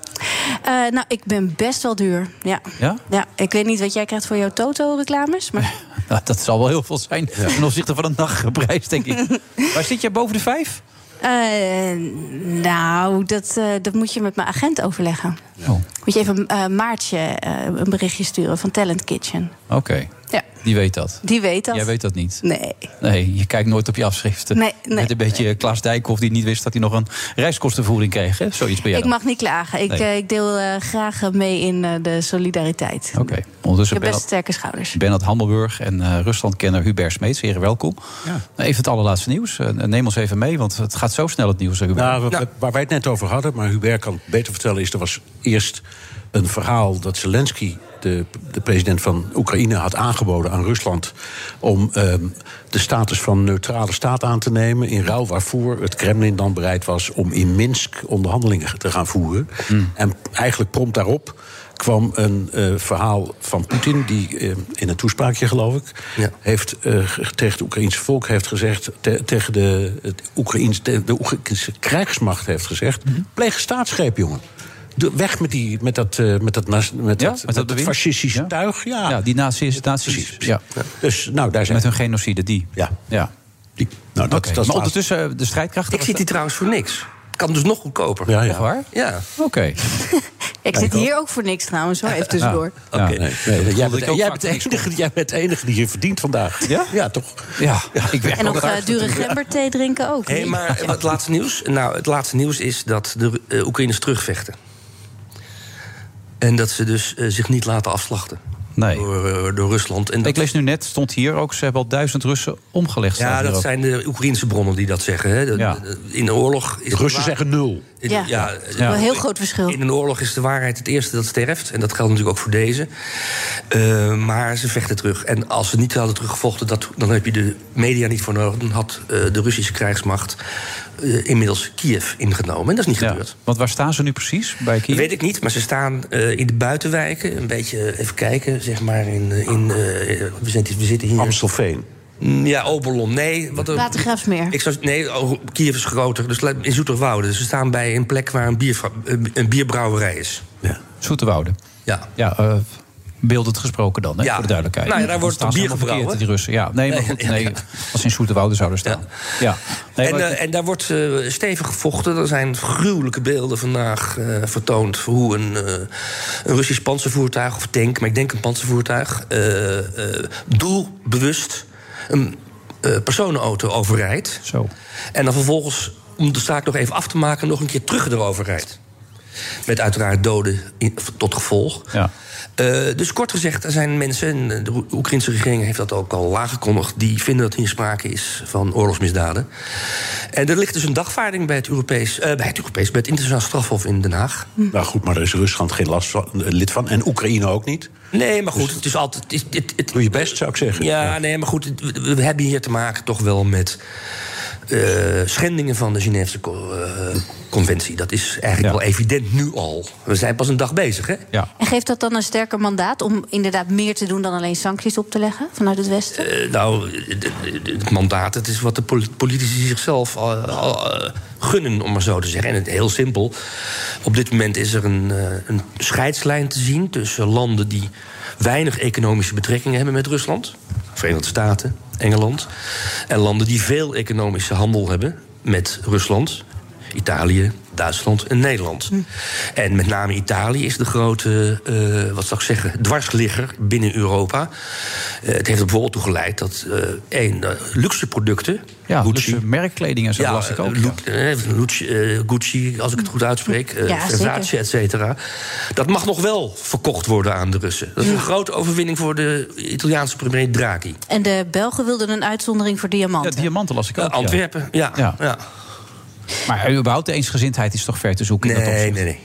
Ik vind dat de eensgezindheid groter is dan ik had verwacht. Ja. Ik ook. Maar de, de sancties zijn toch niet van dusdanig omvang? Nou, nou Ja? dat, eerst, dat leek eerst niet. Maar ik vind. Kijk, ik, ik zei steeds de afgelopen dagen. Het enige wat helpt is, ik zal maar zeggen, de, de Iran-benadering. Dat je een land echt probeert af te snijden van de handel.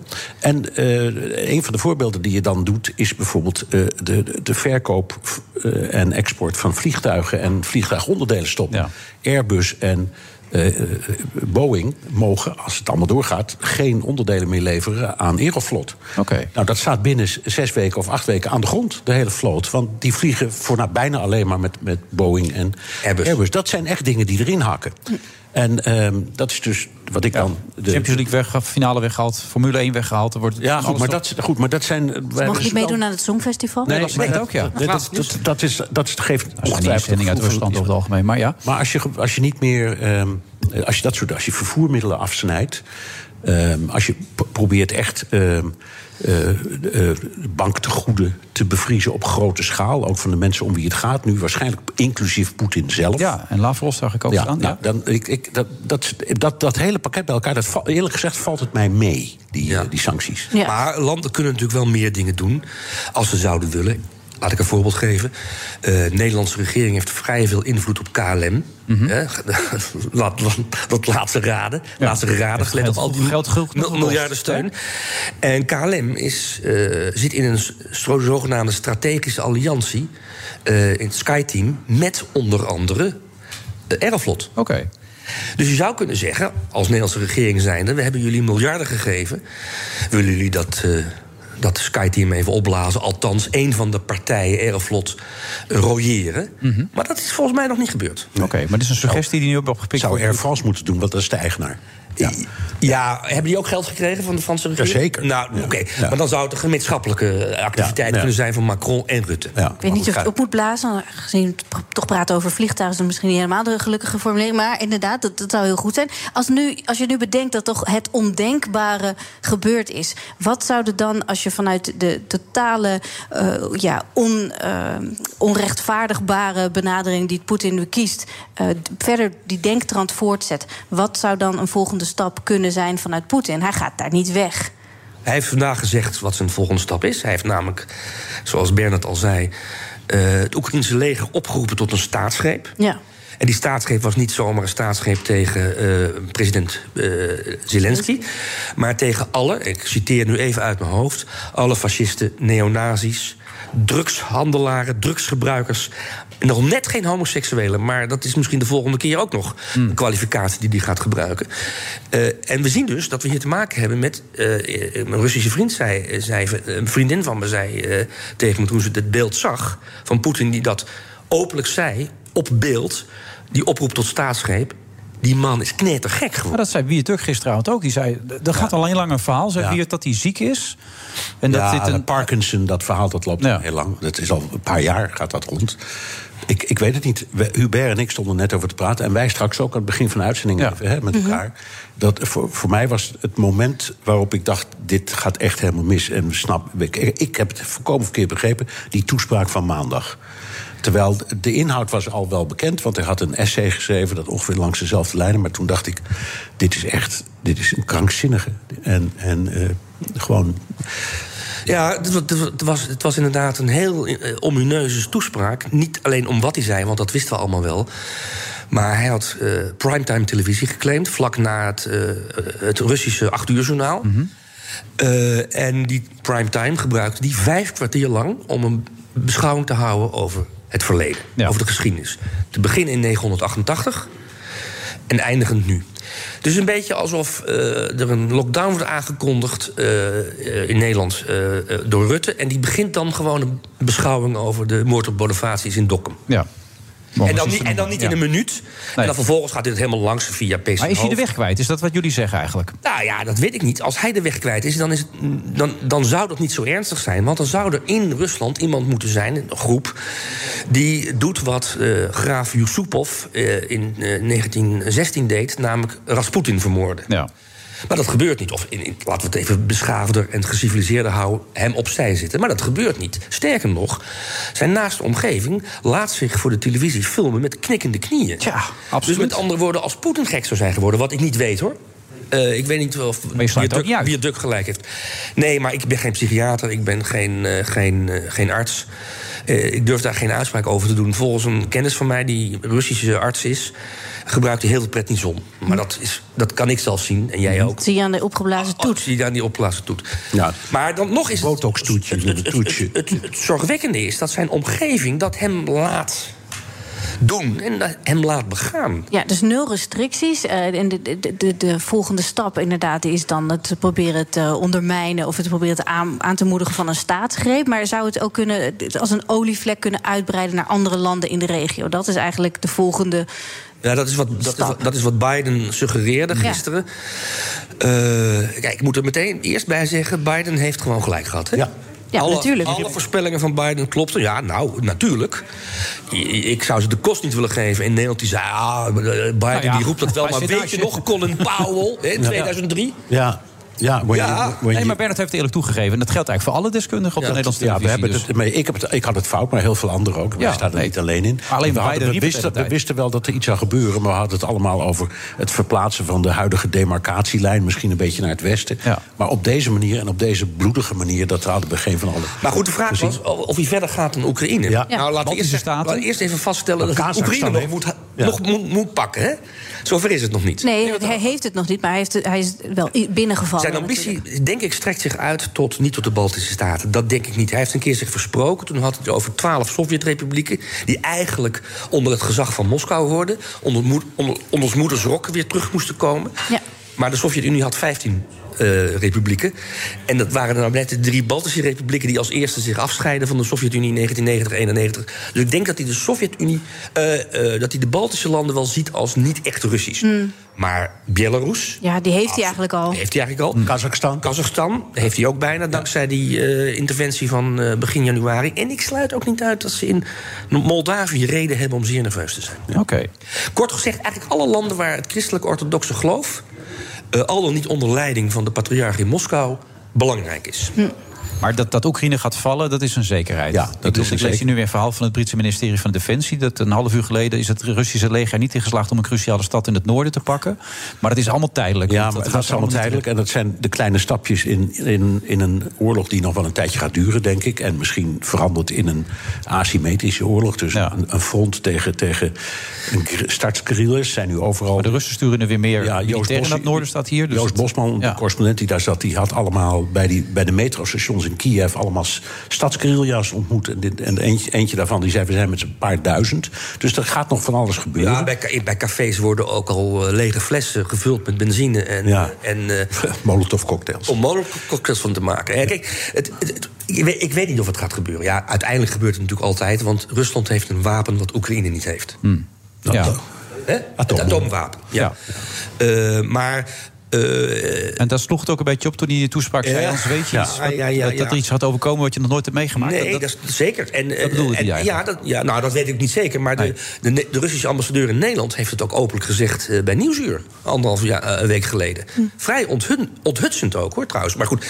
Maar op papier is Rusland absoluut sterker. Maar wat we nu zien, althans, dat is mijn voorlopige conclusie, is dat ik ook denk dat het Kremlin de strijdvaardigheid van de Oekraïners heeft onderschat. In het Kremlin in, eh, heerst de oude Russische gedachte dat Oekraïners lapswansen zijn die het ervan nemen. Oké. En ze hebben daar dus kennelijk niet tot zich laten doordringen dat Oekraïners ook vechtjassen zijn. En weliswaar zijn ze niet opgewassen tegen de Russische overmacht, maar ze laten zich zeker niet koeieneren. Nou ja, dus dat kan nog heel erg worden. Dat verhaal over Slangeneiland met die 13 militairen die daar zaten. Ja, ja, die ja. ja. Toch gewoon... Die, die zich niet wilden overgeven en Ja. zijn allemaal neergeknald. China, wat, wat gaat China in deze doen? China, China steunt Rusland, officieel. En zegt ook dat Rusland gelijk heeft over de grote macht van de NAVO. Dat begrijp ik best vanuit hun perspectief. Maar Xi Jinping heeft nu wel ook aangedrongen op matiging bij Poetin. Zegt hij, dit, dit, dit moet wel ophouden, wat er nu gebeurt. Dat, viel, dat vond ik opvallend. Want Ja. In het algemeen is Xi niet iemand die dit soort uitspraken heel snel doet. Dus dat, dat Maar was- Gert-Jan Segers, die heb je net ook gehoord. Die zegt, wij moeten de rug rechten. En wij moeten misschien op een gegeven moment ook wel veel meer gaan doen dan alleen sancties. Ja, nou ja, maar- Geloof je dat? Zie je dat snel Ik zou niet weten wat. Want kijk, het is, het is geen NAVO-gebied. Dus je kunt er geen krijgsmacht heen sturen. Ehm, en bovendien... Dan is aan de voorwaarde om überhaupt bij de NAVO te kunnen komen. Dat was wat we net ook dis- discussieerden.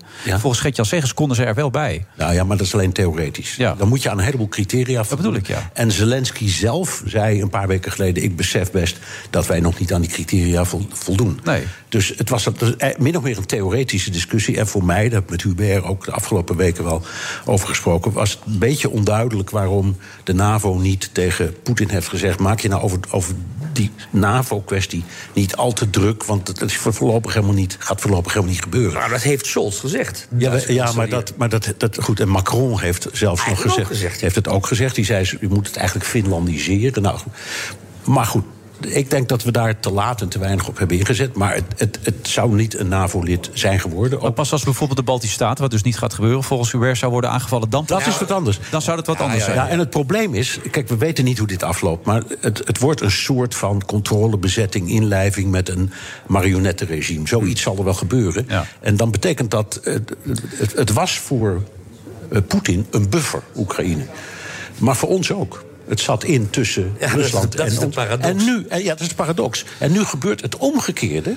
Dus nu, wordt, nu staat Rusland aan de grens van Oekraïne aan ons kant. Ja. Maar Ja, dus, dus dat is echt wel iets om zorgelijk over te zijn. Wat ik me zo afvraag, hè, we, zien wat er gebeurt en we weten, je voelt aan alles en je ziet het en je weet, dit is niet juist wat er gebeurt. Maar toch kan je niet meer doen dan sancties opleggen, omdat ze nou eenmaal niet in dat NAVO. Maar waar is, waar is de moraal of zo? Dat, dat begrijp ik gewoon. Nou niet. ja, de, de moraal is, waar we het al over hadden, dat eh, Rusland een atoomwapen heeft. En dat tarten is ook een morele kwestie. Als je dat doet, willens en wetens, dan loop je het risico dat je de wereld in een brand stort die onop, onblusbaar wordt. Dus het is niet on, immoreel, bedoel ik te zeggen, om terughoudend te zijn als Westen. Ja, nou, ja, terughoudend snap ik ook wel, maar... Nou, maar ja. oké, beantwoord hem zelf dan. Want die vraag heeft iedereen hoor. We hebben allemaal de vraag: wat kun je nou eigenlijk doen? Eh Gert-Jan Segers zit daarmee. Die, die, die, deelt, die deelt de twijfels en wijfels met ons. En dat doet iedereen. Dat hoor je ook in, in, in, in uitspraken van Hoekstra. We moeten het niet bij laten zitten. Maar helemaal specifiek worden kan die dan ook niet. Wat zie je dan zelf, Ja? Poetin u was natuurlijk zelf op zoek naar een, een, een legitimering om echt die inval te doen. Dus je zag al die provocaties bij de grens. Ja. Dat kan omgekeerd natuurlijk ook. Nee, je kan even- Rusland ook provoceren. Ja, hoe dan? Nou, dus ze zijn toch op een gegeven moment dan, je zegt net zelf ook, aan, aan de grens met Europa. Dan zou je daar kunnen provoceren. En als, als zij dan iets tegen ons doen, ja, dan heb je je Ja, legitimering. maar het, pro- het probleem is, jawel, maar goed. En je dat leidt, dat, leidt, dat leidt dan tot een rechtstreeks confrontatie tussen de NAVO en Rusland. Dat is wat er dan gebeurt. En daarom is dat- willen we niet. En er gebeurt nu iets interessants in Turkije. Hè. Daar heb je, eh, dat heeft, er is een, een, een, een verdrag, dat heet geloof ik het verdrag van Montreux uit 1936. En dat voorziet erin dat Turkije het toezicht heeft op de Bosporus en de Dardanellen. En hoe heeft Oekraïne gevraagd aan Turkije of ze ervoor kunnen zorgen dat er geen Russische schepen of oorlogsschepen in de Zwarte Zee komen. Want dat, dat controleren ze. En daarvan heeft Erdogan gezegd, vond ik heel slim.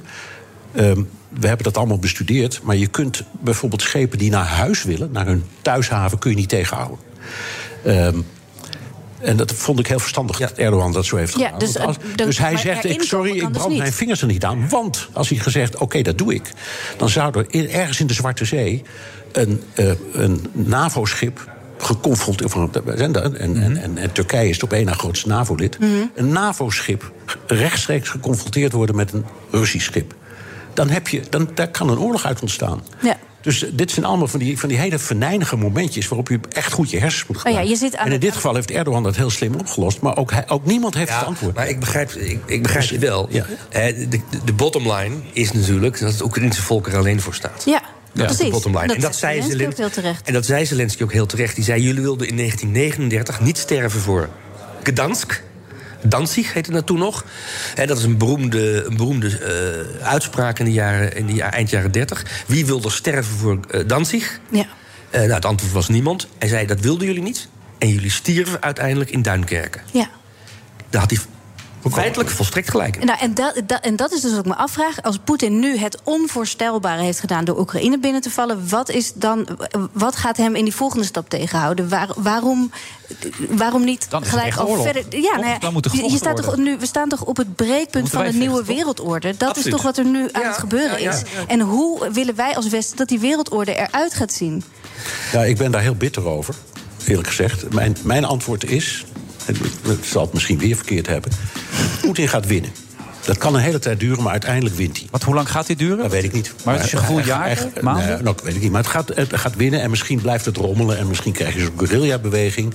Maar Oekraïne is van, valt op de een of andere manier in Russisch handen. Misschien wel een nieuw Afghanistan dan, maar goed. dat weten we niet. Maar op, op het moment dat dat eenmaal gebeurt, dan kunnen we eigenlijk niks. En dan doen we ook uiteindelijk helemaal niks. Nee, we dat laten weet het hij. gewoon gebeuren. Ja. En we moeten ook nog uitkijken met dingen als sancties. Hè. Je zag nu wat er is gebeurd met British Airways. Dat zegt Aeroflot is niet meer welkom in Londen. Het gevolg daarvan is dat het Russische luchtruim is gesloten voor eh, eh, Britse luchtvaart. Je moet je even voorstellen, je had het over Air France KLM... dat die niet meer naar Peking kunnen vliegen over Rusland. Nee. Dat is een ramp. Ja, in de Koude Oorlog konden ze het ook niet. Nee, nou, Moesten ze ook via de Noordpool. Via de Noordpool of helemaal rondom Tashkent, dat kon ook. We zijn heel erg teruggezet in de tijd. Ja. Ja, we zijn teruggezet in de tijd. Dat is eigenlijk Ja, dat is een hele, goede- samenvatting hele goede die denkbaar samenvatting. is. Ja. Maar de conclusie is dus ook, hij krijgt Oekraïne en daar gaan wij niets aan doen. Dat is ook een conclusie Ja, dat die is jij mijn- mijn. Nee, we gaan niks in militaire zin tegen doen. Nee, nee maar, maar goed, sancties dan. Verder gaat het niet. En die sancties zullen niet Nou ja, dusdanig zijn. nou ja eh, die zullen misschien wel Rusland zo isoleren...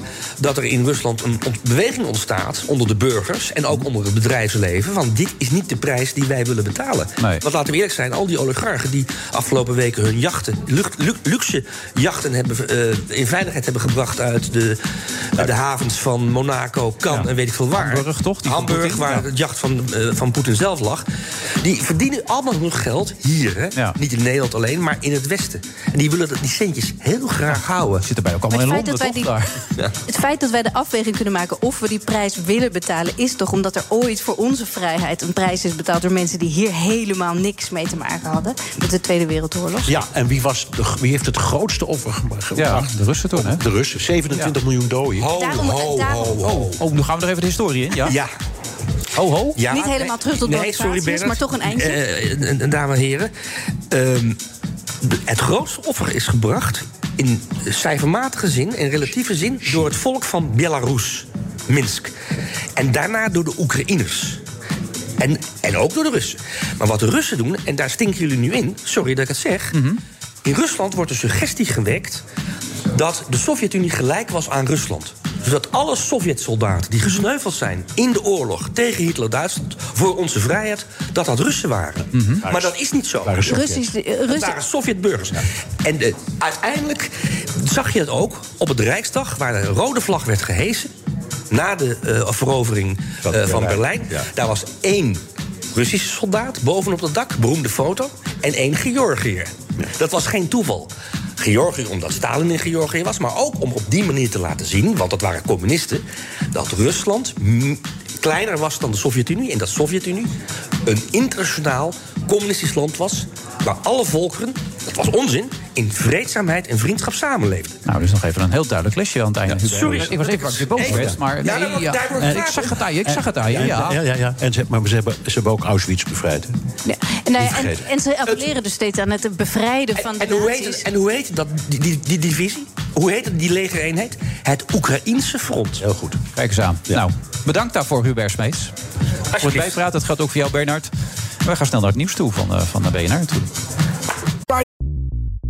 Bij BNR ben je altijd als eerste op de hoogte van het laatste nieuws. Luister dagelijks live via internet. Bas van Werven. En heel langzaam komt de zon op rond dit tijdstip. Je krijgt inzicht in de dag die komt op BNR, het Binnenhof in Nederland en de rest van de wereld. De Ochtendspits. Voor de beste start van je werkdag. Blijf scherp en mis niets.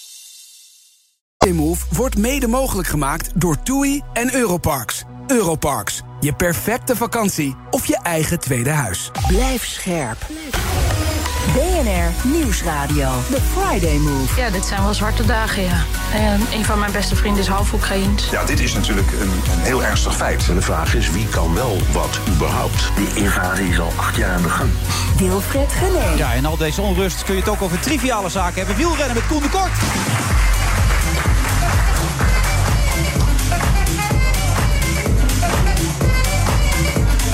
Mijn co-host is nog steeds Sophie van Eek. Zou ook raar zijn geweest, Sophie, als je opeens geen co-host meer was geweest. Nee, dat hè? zou heel raar zijn Dat geweest. iemand anders uit ja, ben- gezeten. ja, ja dat, eh, dat, nou, dat zou ik wel persoonlijk hebben opgevat. Ja. Maar ik vind het dus ook persoonlijk eh, heel leuk dat ik hier wel nog zit. Dus er lopen ook wel eens mensen weg, hoor, bij dit programma. Oh ja? Ja, ja.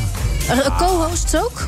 Nee, Thierry Baudet was toch geen co-host? Maar, Nee, dat valt wel mee. De meeste co-hosts blijven wel zitten. Ja. Je, je wilde even iets kwijt over je vriend, hè? De Amerikaan, die heeft een TikTok-account. Dat is heel bijzonder. ja, ik vind dat heel leuk om eventjes eh, reclame voor hem Hij heeft ook eh, zo'n te mooie maken. naam. Ik ben even zijn naam kwijt. Stepdad Foreign Land. Ja, maar zijn eigen naam vond ik ook heel mooi. Lee of zoiets. Lee, ja, Kaplan. Ja, ik, eh, ik vind dat zo mooi dat hij zo heet. Ja. Ja. Maar hij heeft dus een TikTok-account. En wat laat hij daarop zien? Zijn voorouders komen trouwens ook uit de Oekraïne. Ze zeggen, ja, als je daar nog had gezeten... dan had je nu moeten vechten. Ja. Eh, maar op zijn TikTok-account vertelt hij over zijn ervaringen als... eh, nou hij is dus ja, naar Nederland verhuisd... en is nu stiefvader in een gezin... waar een taal- en een cultuurverschil is. Ja. Dus het zijn nogal ja, interessante... Gezin met jou, hè, voor de duidelijkheid. Ja, gezin, ja, precies. Wij- hij woont met mij en de kinderen.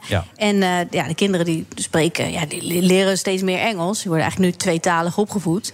Maar eh, ja, hij probeert vooral ook heel erg Nederlands te leren. Hmm. En hij, eh, ja, hij deelt zijn ervaringen met, met de TikTok-community. En hij wordt, ik vind het heel grappig om te merken. Want we hadden het net over hoe belangrijk het is om te praten over wat je bezighoudt. Ook Ja. als het niet zo goed gaat. En hij ervaart dus heel veel steun in die, in die gemeenschap online. En dat vind ik zo mooi dat dat zo werkt. Oké, dus die geven hem ook tips en zo. Geven hem tips en die zeggen: Oh, het gaat echt heel goed met je Nederlands. En ik heb dus nu ook af en toe dat ik herkend word op straat. eh, Uit dat TikTok-account? ja, dat ze zeggen: Jij bent toch de vriendin van Ja. Stepdad voor Nou ja, Ken je van hebben TikTok? natuurlijk. Ja, ja, dan denk ik: Oh ja, ja, ik doe ook wel zelf wat nou, op tv. Maar goed, eh boeien. Nee, ja. dat, dus het is heel grappig en heel leuk en heel steunend voor, voor hem. Ja, klinkt heel goed. Koen de Kort, heb jij eigenlijk een TikTok-account? Nee, ik heb geen TikTok-account. Waarom niet? Goeie vraag. Ja. Eh, eigenlijk nooit echt mee begonnen. Volgens mij ben ik er een beetje te oud voor geworden. Überhaupt niet. Nee, wat eh, Gerard Joling heeft ook een TikTok-account, zeg ik. Het kan gewoon hoor, ja, zeker. Er zit geen limiet op, eh, Koen. Nee. Nou, wellicht eh, moet ik eraan beginnen. Maar überhaupt social media of doe je er helemaal niet aan? Eh, Twitter, eh, Instagram doe ik wel. Oké, dus je hebt wel een beetje band met je achterban. Ja, zeker. Nee, dat vind ik ook echt heel erg leuk. Vooral ook Twitter, eh, wel echt leuke interactie feest- vaak met eh, ja, fans of eh, mensen die gewoon vragen hebben. Ja, en nu kom je ook in het medialandschap. Van de week een debuut gemaakt voor Eurosport, begreep ik? Ja, inderdaad. Eh, Een beetje wennen in het begin, maar ik vond het wel echt heel erg leuk. Beetje wennen in het begin, dus het begin is nu al voorbij. Ik vind van wel. Ja, ik heb nu zes dagen al gedaan. Ja. Ik bedoel, ja, zes dagen, dan eh, ben je in het begin wel een beetje voorbij volgens mij. En wat moet je leren dan? Wat is, het- wat is de discipline die heel belangrijk is dan? Nou ja, ik eh, zei in het begin eigenlijk heel veel eh tussendoor. Ik denk dat ik mezelf dat een beetje aangeleerd heb als eh, sporter. Want vaak eh, krijg je dan zo'n interview en dan wil je eigenlijk je vraag nog afmaken. En voordat er dan een nieuwe vraag komt van eh, de interviewer, dan zeg je gewoon even eh, dan weten ze in ieder geval zeker dat er nog een antwoord komt. Het is wel echt een sportding inderdaad. Heel veel, eh, ja, eh, we zaten, ja, dat Ja, hoor je dat- altijd sporters doen. Gewoon zorgen dat eh, die vervelende journalisten er niet tussen kunnen komen. Oh, de- en nu ben je zelf zo'n vervelende journalist geworden Ja, eigenlijk precies. een beetje. Ja. Je hult nu met de vijand. Ja, ja inderdaad. Word je dat ook mooi. nagedragen? Want het is heel grappig. Wim Kief vertelde mij ooit dat hij dat best wel moeilijk vond. Dat hij na het voetballen eh, analist werd. En dat hij dan dingen moest zeggen over zijn voormalige collega's. En dat werd hem ook heel vaak nagedragen. Heb jij dat nu ook of niet? Nou, op dit moment eh, heeft iedereen eigenlijk nog wel vooral leuke reacties. Ook eh, van mijn ploeggenoten. Maar jij zegt steeds, die is goed en die is zo geweldig en die kan het fantastisch. Maar Wim moest ook nare dingen zeggen. Ja, nou ja, op een gegeven moment eh, gaat het natuurlijk wel komen. Je kunt niet alleen maar heel erg positief zijn over iedereen. Eh, op een gegeven moment, als het gewoon een slechte wedstrijd is van iemand, moet je dat ook kunnen zeggen. Wat is het naarste wat je deze week al over een collega hebt moeten zeggen? Wat toen noemen inderdaad. Ja. Ja, deze week nog heel weinig naast voor- over een collega gezegd. Tom Dumoulin gewoon helemaal heel afgemaakt? Nee, ik heb eigenlijk gezegd, eh, hij zal wel iets tegen zijn gekomen. Maar ik kan me niet voorstellen dat hij gewoon echt zo slecht is. Zo makkelijk af. Ja, het was wel een beetje raar. af, Het was het hè? eerste antwoord waar ook een e in zat. weer. Ja. Omdat dit natuurlijk zo'n lastige, vervelende vraag Ja, is. van Daar moet je even over nadenken. Nee, maar daar ben je ook niet kritisch over geweest, over Tom Dumoulin. Nee, ik denk vooral omdat het ook zo'n vroege wedstrijd is in het seizoen. Het is echt nog voor iedereen echt in vorm komen. Verenigde Arabische Emiraten. Ik vind ook, ook helemaal niks met wielrennen eigenlijk, als je het zo mag zeggen. Nee, ja, ze hebben wel eh, al een aantal jaren een mooie wedstrijd daar. Of in ieder geval mooi, maar wel een belangrijke wedstrijd. Dus eh, het is Wat World maakt Tour. die wedstrijd belangrijk? Omdat het World Tour is. Ja, de punten. En wat De- maakt een wedstrijd mooi? Ik denk eh, historie en mooie parcoursen, mooie Ja, historie daar niet. Geen van alle. Nee. nee. Maar het hoort er wel een beetje bij. Ik bedoel, het is ook het moderne wielrennen. Uiteindelijk willen we ook allemaal wel wel wat geld ermee verdienen. En ik denk dat ook eh, de mondialisering van de sport belangrijk is. En dat dan ook eh, zo'n wedstrijd erbij hoort. Ja. Heb je het idee dat die, de, je noemt de mondialisering van de sport, maar die staat nu eigenlijk deze week behoorlijk onder druk. De sportevenementen die in Rusland zouden plaatsvinden, Formule 1, eh, we hebben het over gehad, Champions League finale, dat verplaatsen dan. Is dat ook iets wat in de sportwereld onder sporters gelijk heel erg leeft? Ja, zeker. Ik denk dat heel veel renners daar ook. Omdat het denk ik ook zo internationaal is. Iedereen die kent wel een Rus, iedereen kent een Oekraïne. En er zijn ook andere ja, Balkanlanden waar ik ook ploeggenoten bij heb, die ook heel erg sterke meningen hebben. Dus ik denk dat heel veel sporters echt een hele sterke mening daarover hebben. Het wordt eh, alleen soms misschien een, misschien een beetje lastig. Van, hoe ga je daarmee om? Wat, wat doe je met die mening? Ik vind het zelf ook een beetje lastig nu. Natuurlijk vandaag eh, UAE Tour, ook een eh, Russische ploeg gewonnen, Gazprom. Hmm. Oh, dat is Ja. helemaal pijnlijk, ja. Ja, en dat, dat vind ik ook lastig. Hoe ga je daarmee om? Kun je nu juichen voor Rusland? Nee, ja, ik, ik vind dat heel moeilijk, ja. Je vindt het moeilijk om daar een mening over te geven. Het is lastig. Ik heb daar zeker een mening over. Maar ik denk ook wel dat sport op een gegeven moment ook sport is. En je Maar moet... dat is wel een lastig fenomeen, Koen, wat je nu zegt. Hè? Want ik bedoel, het het werd gisteren ook gezegd over Max Verstappen. Die had zich nog duidelijk moeten uitspreken. Sochi mag absoluut niet. Hij zei tussen, ja, het is misschien niet zo verstandig, weet je wel. Dat bijvoorbeeld eh, Vettel zei gelijk, ik wil er absoluut niet racen. Ja. Er zit dus een duidelijk verschil tussen. Wat weerhoudt jou ervan dan? Om duidelijkheid te zijn daarover. Nou, ik ben zeker heel duidelijk erover volgens mij... dat ik het echt helemaal niks vind wat Rusland doet. Alleen om dan eh, een ploeg als Gazprom niet te noemen in zijn uitzending... of te zeggen, ja, ik hoop dat die niet winnen. Ja, ik weet niet of daar echt eh, of daar de luisteraar, luisteraar daar iets aan heeft. Dat is natuurlijk ook nog echt iets anders dan zeggen dat op die locatie de- wedstrijd niet mag plaatsvinden. Om te zeggen dat je niet blij kan zijn voor een, voor een ploeg van sporters die daar gewoon heel hard hun stinkende best hebben gedaan. En terecht dan waarschijnlijk hebben gewonnen. Omdat ze gewoon ja, de snelste waren. En toevallig uit Rusland komen. Vind ja, dat je moeite hebt. Eh, Had Max Verstappen moeite om te zeggen van eh in Ja, dat Sochi niet ga ik niet racen? uit. Op een gegeven moment Ja, zei hij van, interesseert hem natuurlijk helemaal niks. Nee, maar dat is ook met Black Lives Matter. Hij probeert bij al die zaken, politiek getint, probeert hij altijd een beetje. Hij rijdt eigenlijk overal omheen. Dus hij kan elke hindernis kan hij heel goed ontwijken. Daar is heel goed Ja. in, Max. Dat is, dat is een specialiteit natuurlijk. Ja, terwijl je dan, als je zo zichtbaar bent, is het natuurlijk hartstikke mooi als je je uitspreekt voor dingen die ertoe doen. Maar datzelfde geldt voor Qatar. Eh, Johan Derksen, wie kent hem niet, die roept altijd dat al die voetballers moeten roepen dat ze zich moeten uitspreken tegen Qatar. Wat vind jij daarvan dan? Nou, dit, dit- daar ben ik het mee eens. Ja. Maar dan zegt Koen, ja, maar ik kom er om te sporten. En niet om, om, om een politiek statement te maken. Dat is toch wat je net zei? Ja, ik heb er ook een WK gereden in Dat bedoel ik, ja. Ja. En dan zou je je ook niet tegen uitspreken. Want je moet ook je geld verdienen, zeg je. Ja, ja, precies. Dat is er ook een gedeelte van. En ik eh, vind er zeker eh, iets van. Ik heb er zeker een mening over. Maar als het toe wordt gestaan dat we daar gaan rijden... wie ben ik dan als individuele sporter om dan te Kort ben je dan. Die kan zeggen, ja, ik vind het belachelijk. Idioot. Ja. Moeten we niet doen. Ik denk dat het misschien goed zou zijn als echte grote kampioenen zoiets zouden zeggen. Ik weet niet of het heel veel uitmaakt als ik het ga zeggen. Nee, je moet niet te bescheiden zijn, Koen. Je Nee. bent pas net gestopt, noodgedwongen. Ja, ik, ik zie dat je je hand een beetje, een beetje weghoudt, inderdaad. Of doe, doe je dat bewust ook, merk je, of niet? Want, Eh, een beetje nog wel. Ik probeer het wel steeds minder te doen. Maar ik merk nog steeds wel dat ik een beetje mijn hand wel wat weghoud. Het is niet echt iets waar ik graag mee te koop loop. ik kan me voorstellen, want de mensen die het niet weten... je hebt vorig jaar, vorig jaar was het? Ja, klopt. Zo kort geleden nog, een ongeluk gehad. Ja. Ik heb het verhaal zitten lezen ook. En de- zo, zo'n pech ook eigenlijk, hè? met een buggy die omslaat... dat je hand net... Je hebt hem buiten de, de bak gehouden, zeg Ja, maar. ja, buiten de rolkooi eigenlijk houden. Ja, dat was een beetje een raar moment. Eh, Die, eh, die buggy die begon een beetje te schuiven. Het was op een soort van hellend vlak. En eh, net daar waar die schoof, daar, eh, was een rots. En eh, die buggy die raakt die rots en die rolt om. En ja, ik weet niet precies wat er daarna is gebeurd. Dat, dat gaat natuurlijk zo snel. En die film die ben ik denk ik een beetje kwijt. Maar op een gegeven moment heb ik blijkbaar mijn hand buiten die rolkooi gekregen. Ik weet niet of ik de rolkooi misschien heb vastgepakt... of gewoon buiten de rolkooi heb gehouden.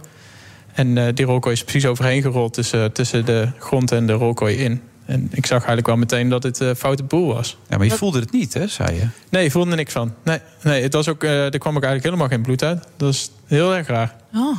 En wat was het? Wat, is dat het eerste wat je weer weet? Dat je dus eh, ja, zat en zag: hé, er is iets helemaal mis met mijn hand. Want je mist drie vingers. Ja, drie vingers en een stuk van mijn hand mis ik. Eh, het, eigenlijk het eerste dat ik merkte was dat ik... Ik wilde er eigenlijk uit, want ik hing op zijn kop. Dus eh, ik wil probeerde de gordel eh, los te maken. En ik zag dat dat niet echt lekker ging. En daardoor ging ik kijken wat er nou eigenlijk aan de hand was. En dat bleek dus dat die hand er behoorlijk slecht aan toe was. Ja. En dan vervolgens ja, met, eh, met de helikopter naar het ziekenhuis. Ik was eh, in Andorra, dus met, eh, met de helikopter naar Barcelona. En ik ben daar wel heel goed geholpen natuurlijk... maar er was verder niet echt heel veel meer aan te redden. Eigenlijk alles dat plat was, is er ook afgegaan. Hm. Vertelt het met een glimlach. Ik kan er nu goed mee omgaan. Ja. Wat was het moeilijkste moment voor jou? Ja, onmiddellijk daarna, eigenlijk toen ik wakker werd na de operatie... en dat werd gezegd, eh, je bent drie vingers kwijt en een gedeelte van de hand. Dus eh, je zult met twee vingers verder moeten. Maar zei ze wel meteen, eh, met die twee vingers kun je wel heel veel. Maar ja, goed, dat wil je natuurlijk in het begin... ga je er niet echt van uit. Dan wil je toch eigenlijk een beetje uitvinden. Maar er werd al wel gezegd, ja, je kunt het gewoon gebruiken. Die twee vingers die doen het allebei nog. Die waren ook allebei niet gebroken. Dus er was eigenlijk met die twee vingers verder niet zo heel veel aan de hand. En ik ben maar meteen gaan proberen wat ik kon. Ik heb echt eh, uren en uren over gedaan om een flesje water open te draaien met die twee vingers. En eh, eigenlijk gaandeweg steeds meer dingen gedaan. En elke dag voel ik eigenlijk nog steeds wel. Elke dag kan ik meer. Ja. Meer kracht, meer beweging. En je probeert ook sterk te zijn voor je omgeving, voor je ouders die langskwamen... maar ook voor je vriendin, neem ik aan, die, die dag en nacht bij is geweest in die periode. Ja, ja, ik heb echt enorm veel steun van mijn vriendin gehad. Dat is zeker zo. Die was er eh, heel erg snel. Ik werd eigenlijk wakker van de operatie en ze stond daar al. En ze was in Nederland. Dus het was ze echt is er nu ook, hè, voor de duidelijkheid. Ze is er nu ook. Ja. Ze is er nu ook. Ja. Nee, absoluut. En eh, ja, dat was echt geweldig. Dus, eh, wat zij heeft gedaan daar voor mij. En ze is er zoveel geweest. En echt een hotel genomen vlakbij het eh, ziekenhuis. Zodat ze er elke dag kon zijn. Dat was ook nog lastig natuurlijk, want het was midden in de coronaproblemen. Ja. Maar eh, het is toch gelukt. Ik heb haar daar elke dag gezien. En En, en sindsdien pak je het helemaal op. Je ploegleider, begrijp ik. Eurosport, van alles en nog wat bij elkaar. Ja, ja ik ben eh, inderdaad bij Eurosport nou begonnen. En eh, verder ben ik nog technisch directeur eigenlijk bij Trek Segafredo. Bij mijn eh wielenploeg. Waar ik dus ook als laatste voor gefietst heb, nog actief. Ja. En daar ben ik dus verantwoordelijk voor al het materiaal. Dus ik moet zorgen dat de renners allemaal fietsen, wielen, helmen, schoenen, kleding... et cetera hebben. En dan ook alle testen. Maar geen zwart gat dus. Eh, meteen boem door. Ja, het is echt nog heel erg druk zelfs. De afgelopen week ook nog mijn eh, master afgemaakt uh, sportmanagement. Zo. Dus uh, die thesis geschreven. Dus ik ben echt uh, van uh, s ochtends 8 tot s'nachts 2 uur Heb bezig je nog wel tijd om leuke dingen te doen samen dan? Deze week niet zoveel. Dus vandaar dat Nee, we ook ze, ze, in nee, ze zegt nee, je veel weinig tijd voor, die Koen. Ze hebben net heel even geshopt. Ja. Oh, dat wel. We hebben een uurtje te shoppen. Er is leuks gekocht, hoop ik, voor haar, toch? Ja, zeker. Ja. Absoluut. Kun je het vertellen ook? Wat, uh... Nee, kan ik niet vertellen. Oh, dat is dan wel heel jammer. Ja. Oh, ja, je kwam natuurlijk ook voor het wielrennen van dit weekend, hè? Ook nog? Ja. Er is ook nog wielrennen dit weekend. Ja, het begint eigenlijk echt. Dus het openingsweekend, hè? De, het, seizoen gaat beginnen. Ja, voor de grote, de grote naam is het toch nog niet deze. Het is een beetje in inkomen deze. Ja, inderdaad. Maar een beetje historisch gezien is dit eigenlijk wel het echte opening van het jaar. En daarom heet het natuurlijk ook openingsweekend. Maar wat hiervoor is geweest, is toch vooral in, uh, in het zuiden. In het zuiden van Europa, maar ook in het Midden-Oosten en zo geweest. En nu beginnen we echt met het seizoen. Dus dat moderne wielrennen, dat hangt er toch nog een beetje voor spek en bonen bij. Dit is het openingsweekend. Ja, ja, ja. inderdaad. Dat, ja. dat, is toch eigenlijk wel echt zo. In ieder geval voor een renner van, zoals ik eigenlijk was. En uh, waar ik ook in de ploeg uh, veel aan uh, meedeed. Dat zijn toch echt deze wedstrijden. Echt de klassiekers, het werk in België en Nederland. Regen, wind, dat hoort er ook wel een beetje bij. Helaas morgen waarschijnlijk niet. Mm. Het wordt mooi weer, wordt het. Ja, het wordt lente. Lekker man. Ja. Ja, ja, ja jammer gesteld. Ja, ik vind het jammer. Ja, ja nou. zeker nu ik niet meer meefiets natuurlijk. Als ik meefiets, dan uh, is het misschien niet zo fijn om nat te worden. Maar als ik gewoon uh, tv kijk. Kun je, kun je ons Nederlands een beetje hoop geven voor het komend seizoen? Uh, even wat namen waarvan je zegt, die gaan leuke dingen doen? Ja, Van der Poel komt weer terug natuurlijk. Ja. Die is er nu nog niet bij. Maar dat gaat niet lang duren voordat hij echt weer terug is. En ja, we hebben eigenlijk bij Trek Segafredo ook een hele jonge, goede renner. Daan Holen. Daar kunnen we nog heel, echt heel veel van verwachten. Oké. Okay.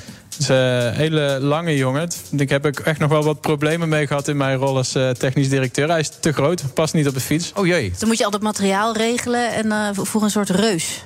Ja, nou ja, hij is niet eens... Ik bedoel, hij is bijna twee meter lang. Dus hij is lang, maar niet extreem lang. Maar hij heeft vooral heel, erg lange benen.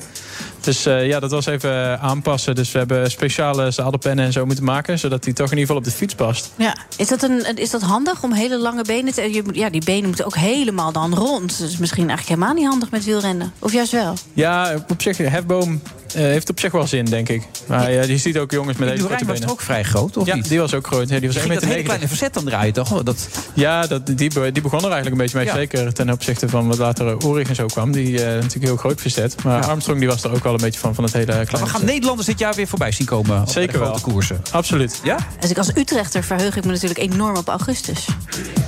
Ja, ja, ja tuurlijk. Zero. Met, met Dumoulin, hè, toch? Velta. Velta. sorry, ik zeg het verkeerd. Ja. Even testen. Giro, uh, Giro Du- Dumoulin. Is Giro, inderdaad. Ja, ik denk dat het een beetje afhangt van hoe het gaat. Ja. Doet Dumoulin het heel goed in de Giro en uh, dan vervolgens niet de Tour... dan denk ik dat hij bij de Vuelta er wel bij zal staan. We zullen daar zeker goede Nederlanders zien. Iedereen is daarvoor gemotiveerd. Je hebt weinig uur gezegd. Ik heb, heb er goed op gelet. Je merkt het echt in Echt één week heeft hij, Hij heeft alle zoveel trucs geleerd, die Koen, geleerd. hè? Toch wat geleerd. Ja. Lekker man. Maar goed dat je er was, Koen. En ik kom vaker langs. En, uh, mag jij ook bij andere tv-programma's aanschuiven? Mag je alleen maar bij Eurosport wat doen? Uh, op, dit moment, uh, ik ben op dit moment alleen Eurosport. Ja. maar dat kan anders worden. Ja, volgens mij wel. Ja, ik zit nu weer na te denken. Ja, nu ga ik lastige vragen stellen en dan denkt hij, oeh. Ja, wat moet ik hierop zeggen? Is het een Nee, ik ben heel, strikvraag? te- ik ben heel uh, tevreden met Eurosport. En ik Oh, heb ja. niet heel Ik veel ook. tijd, moet ik ook wel eerlijk zeggen. Ja. Dus het, het, uh, op dit moment vind ik Eurosport al heel mooi. Oké, en nu we tijd maken voor je vriendinnen. Zeker. Dat leuk. Dat is ook heel belangrijk. Koen de Kort was hem alweer. Dit was hem alweer trouwens, Sofie. Oh, echt? Ja, het is ongelooflijk. Jongen, jongen, nou, snel, eh, ja, we zijn wel eh, met het hoogtepunt geëindigd, hè? Sowieso. Ja. Time flies, hè, when you're uh, having fun. Ik vond het Want- echt een hele mooie uitzending. Het was echt, eh, alles kwam voorbij. Ja, en, en Hubert een beetje boos net nog, hè? Hey, over die Russen, want het waren namelijk Oekraïners en mensen uit Belarus, hè? Ja, precies. Wie heeft Auschwitz bevrijd? De Oekraïners. Zo is het. Niet de Russen. Ja, nou, we houden het allemaal in de gaten. Vanavond weer. En volgende week zijn we er ook weer met een nieuwe aflevering. En voor dit moment bedankt. Heel graag En gedaan. tot de volgende keer. Lekker Tot vannacht, eh, Wilfred. Heerlijk. Ja, dit zijn wel zwarte dagen, ja. En een van mijn beste vrienden is half Oekraïens. Die invasie is al acht jaar aan de gang. Dat is een directe schending van de soevereiniteit van Oekraïne. Незамедлительно признать независимость и суверенитет Донецкой Народной Республики и Луганской Народной Республики. Ja, dan brengen ze de facto eh, Russische troepen op Oekraïns grondgebied. Ja, dit is natuurlijk een, een heel ernstig feit. Maar de vraag is, wie kan wel wat überhaupt? dus in die zin eh, staat het Westen momenteel eigenlijk ja, met, eh, met, met lege handen. Omdat eh, Rusland een enorm reservefonds heeft opgebouwd... waarmee ze heel lang kunnen overleven. Dit kan consequenties hebben voor Nederlandse bedrijven, voor Nederlandse burgers. With this package, we will target strategic sectors of the Russian economy. Ja, het, het is, uh, het is uh, gekhuis. En wij als Europa zullen dat gas ergens anders vandaan moeten gaan halen. Hiervoor is één persoon verantwoordelijk. Het land is Rusland. De persoon is Vladimir Poetin. The invasion, the attack that Russia promised would never happen, has now started.